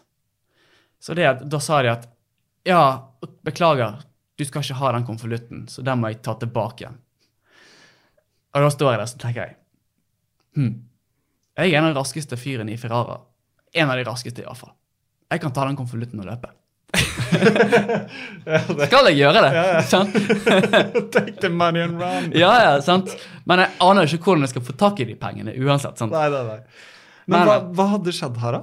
Nei, det som hadde skjedd, var det at den deler av løypen hadde blitt stengt igjen fordi at han som eide veien der, han hadde bestemt seg på at nei, de får ikke løpe her likevel. Av at folk skulle kaste boss og litt sånn forskjellig. Så dagen i forkant så hadde de måttet endre løypen og gjøre den kortere. Ah. Og det var det jo Det ingen er som hadde bare fått med seg. Italia, altså. Kun Italia. Sant? Det er sånn dagen før et Dagen 30 før. Og de Uten sa det sikkert? Nei, Ja, okay. de sa det sikkert i forkant av Ja, ja, løpet ja. på italiensk. Ja, selvfølgelig. Sant? Italienere gidder ikke å dra noe engelsk. Altså. Nei, Men det er nei, en liten altså. by i Italia, da, så det er kanskje liksom ikke Ja, det var et pølseløp. Det var Ja, pølseløp. Ja. Jeg fikk jo en liten premie, da. Jeg fikk en sånn pose med en sånn stusslig singlet, og så fikk jeg en sånn to kilo tung pølse. eh, og en flaske Prosecco. Så jeg fikk jo noe, da. Ja, ja, kult, ja, ja. Så det var nå noe. Ja, det ble en liten uh, fest. Ja, og det ble jo, ja, ja, og det ble jo et fenomenalt god uh, Jeg ble et bra løp av det. Ja, Og uh, en god inngang til Amsterdam. Ja. Planen var at jeg skulle løpe Amsterdam på 2,40, liksom. Det var målsettingen min. Men jeg følte meg så bra i det løpet at jeg tenkte at det er lov å prøve å tøye strikken litt. Grann, sant? For der var jeg litt sånn at jeg skulle være konservativ. Klarer jeg 2,40, liksom? Det er 3,47-tempo. Og jeg husker Boston. Det var 3,54-tempo. Det var tøft, men jeg klarte det. Og nå tenkte jeg liksom at etter den der Ferrara-erfaringen så hadde jeg klart å holde det tempoet veldig, veldig greit. Jeg skal ikke bare prøve. Altså Istedenfor liksom å sitte igjen og angre på at jeg forsøkte. Så kan jeg bare prøve. sant? Hva er det verste som kan skje? Jo, jeg feiler. Men det finnes andre ting som kan. Det finnes andre ting som er verre enn å feile. Så eh, da eh, ja, reevaluerte jeg litt. Grann, fant ut at ok, jeg skal løpe 2.35. Og da er, da er du nede på 3.40 eller 3.39 fart. Når, For å bli veldig nerdete, da. ja. Når reevaluerte du i løpet? Altså, Nei, det var rett etter. Ja. rett etter løpet. sant? Og da snakket jeg litt grann med de andre som hadde løpt. sant? Noen hadde løpt maraton, noen hadde løpt ja halv altså, sånt. nå snakker vi Ferrara. Ja, etter Ja, ikke sant? Ja. Og så fant jeg egentlig bare ut at hvorfor ikke bare gønne på? sant? Og det Mm. Du satte en ny, en nytt mål, da. Ja, ja. Ja. Med tre uker i, uh, igjen Ja, til løpet. Ja. Og det er jo ikke lurt, men, uh, men uh, jeg tror rett og slett det var Målet mitt var eh, rett og slett blitt, blitt litt konservativt fordi at jeg hadde trent såpass godt. Eh, og så kom vi til Amsterdam, da, og så var det egentlig bare til å ja, sette i gang. Sette i gang, Og så prøve å følge, det, følge den farten så langt som det lot seg gjøre. Mm. Og da ser du på fem kilometer splittiden, da. Ja, sant? Den skulle være sånn 18 18-20 Ja, eh, rundt den tiden. Lurt, sant? det. Det er lurt. Ja. Men de siste ti blir jo selvfølgelig tøffe. Ja, ja. Og når det var 5 km igjen, da var jeg på stålet. Men det var jo bare ja, Det hendte ut siste. Ja. hente ut det siste. Og kontinuiteten gjorde at jeg klarte å komme meg i mål med, med ca. den samme farten. Så det var vel 2.34,04 der. Det er bra. Ja. Og det er persen står nå. Det er den persen som står nå. Ja. Så neste målsettingen blir jo selvfølgelig å løpe fire minutter og fem sekunder raskere enn det igjen. Mm. Så kommer jeg under 2.30. Ja, det, det er, det årets mål. Det er en magisk grense for uh, mosjonisten. Ja, da, da begynner da begynner jeg liksom å leke med med sånn supermosjonister. Ja, ja, ja. Absolutt. Det er sånn 2.30 er uh, Ja, ja, sant. Du har jo, du, det er mange som Du har jo på en måte den, den gjengen fra Oslo som har drevet med det der uh, Breaking 230-prosjektet. Det er blant annet han, uh, Jan Post. han Jan Post Ja. og uh, Jeg så, jeg så de på Bislett i fjor. Jeg snakka med han Jan Post. han løp rundt og rundt i, på Bislett i et vanvittig tempo. Ja, ja, sant. Og han er jo en av disse folkene som jeg på en måte har sett på som en av de motivatorene for å holde på med dette. Ja. Du ser bare at noen kan gå fra å ikke holde på med særlig mye, og så plutselig bare viser de at de har et enormt potensial. Sant? Ja. Og det er veldig gøy å se Det det. at noen har det. Så mange som har det òg. Mm. Det er kanskje de vi hører om, da. Men, Ja, det var kanskje det. det var Men kanskje altså, jeg tror, altså, det er mye det er det jeg snakker om med talenter og sånn, og det er så mye uforløst eh, blant mennesker, da. Mm. Altså, selvfølgelig på mange nivå, men akkurat det der med løping, da, og det er så konkret. Ja. Det er så utrolig konkret, liksom, å løpe og tid og sånn. Mm. Og veien og målet og sånn, ja, det, det er en helt egen historie, og, og veien er jo det som er gøy. Selvfølgelig. Vi har mål og sånn, men det er jo veien. Det er hverdagen, da. Det er hverdagen som gjelder, ikke sant. Den gode hverdagen. Kaptare. Kaptare. Mm. Bare snø på skoa, bare gjør det. Vi må strekke oss etter noe. Vi må det. Det er derfor vi holder på med det her. Men du, um, tidssjekk halv to. Hvor skal du være klokka to? Uh, klokka to skal jeg være på Nordpolen. Men det er oppe på Sandakerleiren? Ja, ja. Ja, ja. Men det vi gjør da ehm, Da setter vi foreløpig strek, tenker jeg. For jeg skal ta et bilde av det og sånn. ja. Og så er det jo alltid mulig å komme tilbake. Det er det. Det er det. dessuten, dessuten Ja, så uh, har jeg ikke nevnt det at jeg skal faktisk løpe Bergen City Maraton, jeg òg. du skal det. Mm. Hel? Hel. Wow. Nå, nå i ja. Ja. ikke sant? Så vi må jo ta en liten evaluering etter det, se hvordan dette egentlig gikk. Det må vi. Ja. Eh, Jeg skal lage en episode fra Bergen. Jeg kommer ikke til å um, Ja, du skal lage en episode, sa du? Eh, jeg, jeg må lage en episode. Jeg har ikke planlagt noe annet enn at jeg skal selvfølgelig snakke med Stig, men jeg har jo tenkt Ja. på altså Alle episodene, eller de siste, er jo lagd her.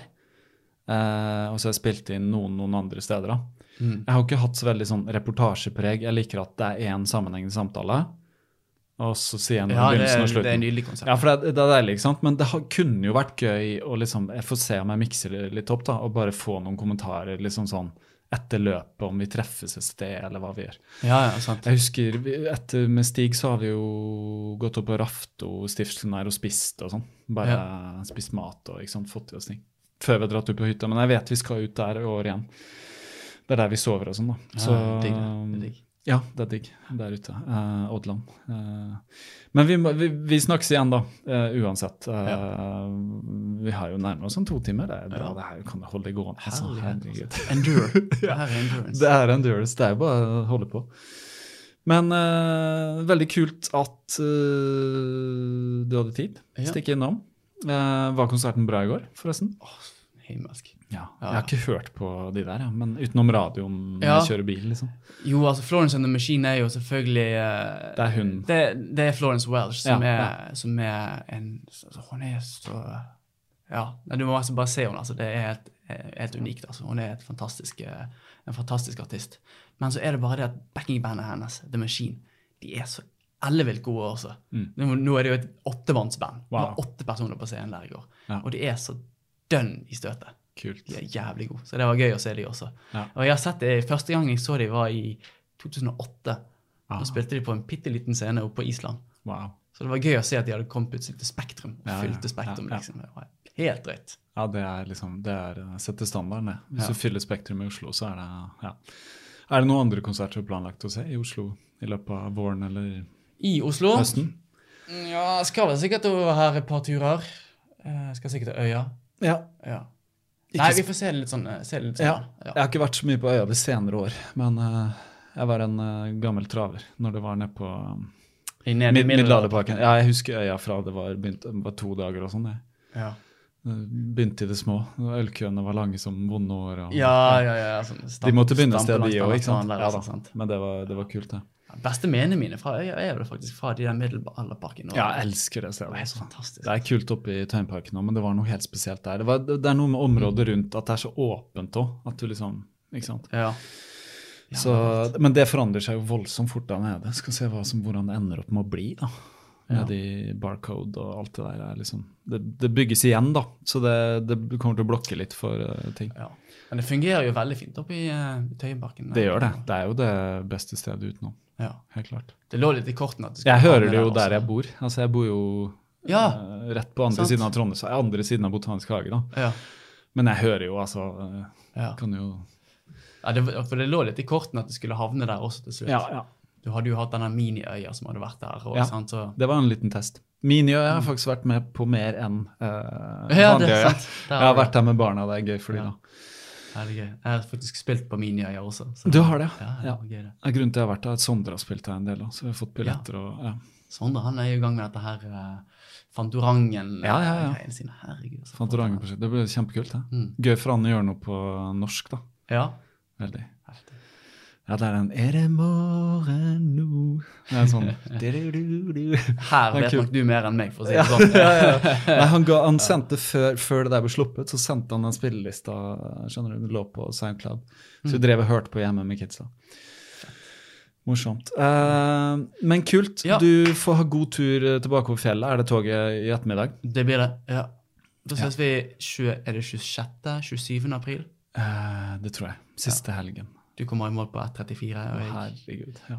jeg kommer i mål på Ikke, ikke 2.30. Det, vi får se om Ja. det blir mulig. Jeg må, men jeg, jeg, skal, jeg, må begynne å liksom tenke litt eh, den tiden, snittfarta og sånn. For nå har jeg egentlig bare Jeg har vært litt sånn Jeg har vært så travel, så jeg har bare sett på hva er det som står på blokka, hva jeg skal gjøre i dag.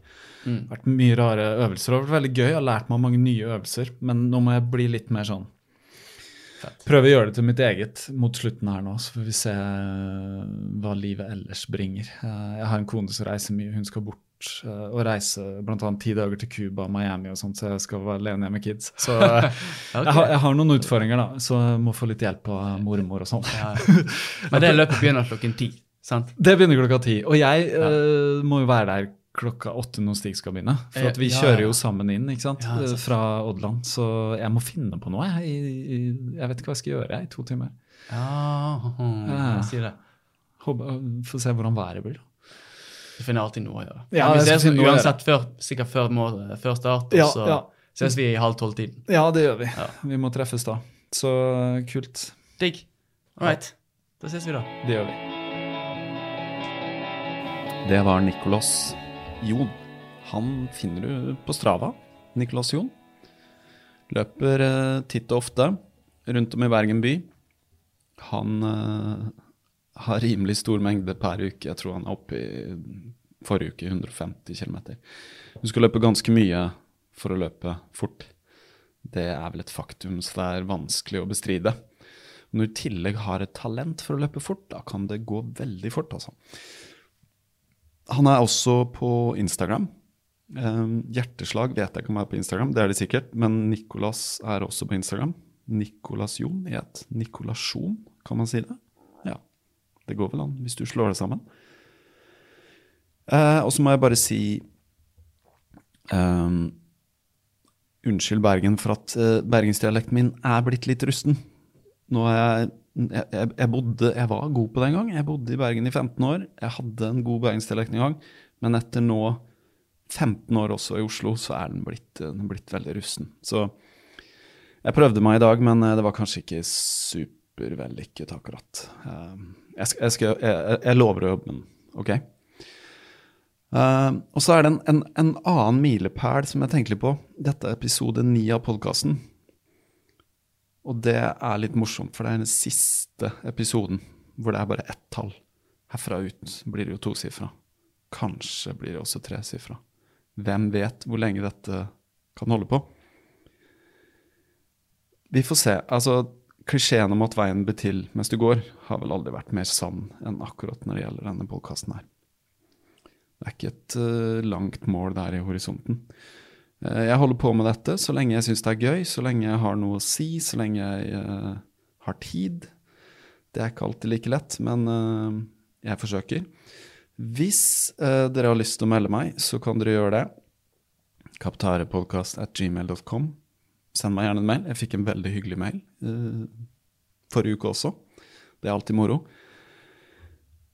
Hvis du har lyst til å legge igjen en anmeldelse, så er det veldig hyggelig om dere gjør det på iTunes. For det hjelper jo hele podkasten til å bli mer synlig, sånn at kanskje det kan komme noen nye lyttere til. Hvem vet, kanskje noen kan bli omvendt til å begynne å løpe ved å høre på podkasten. Vi vet ikke hva som skjer. Det jeg vet, er at å lage podkast er et veldig dynamisk forhold. Mellom meg og de jeg har med meg som sitter her, og mellom dere som hører på.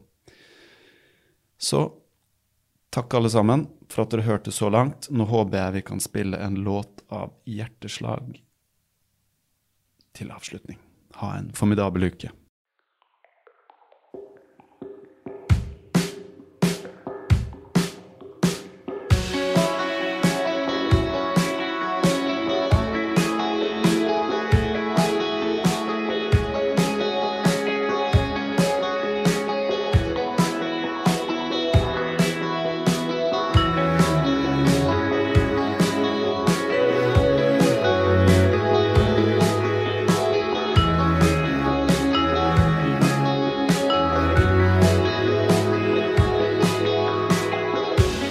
Sammen,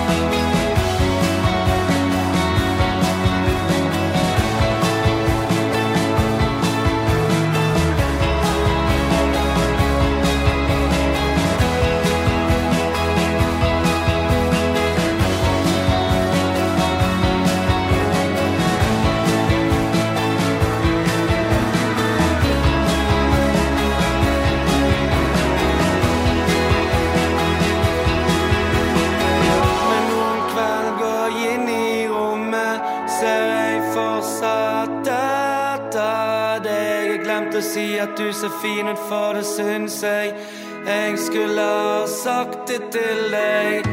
En som der på takterrassen, aleine der på restauranten. Sammen som vi danset siste gangen, sammen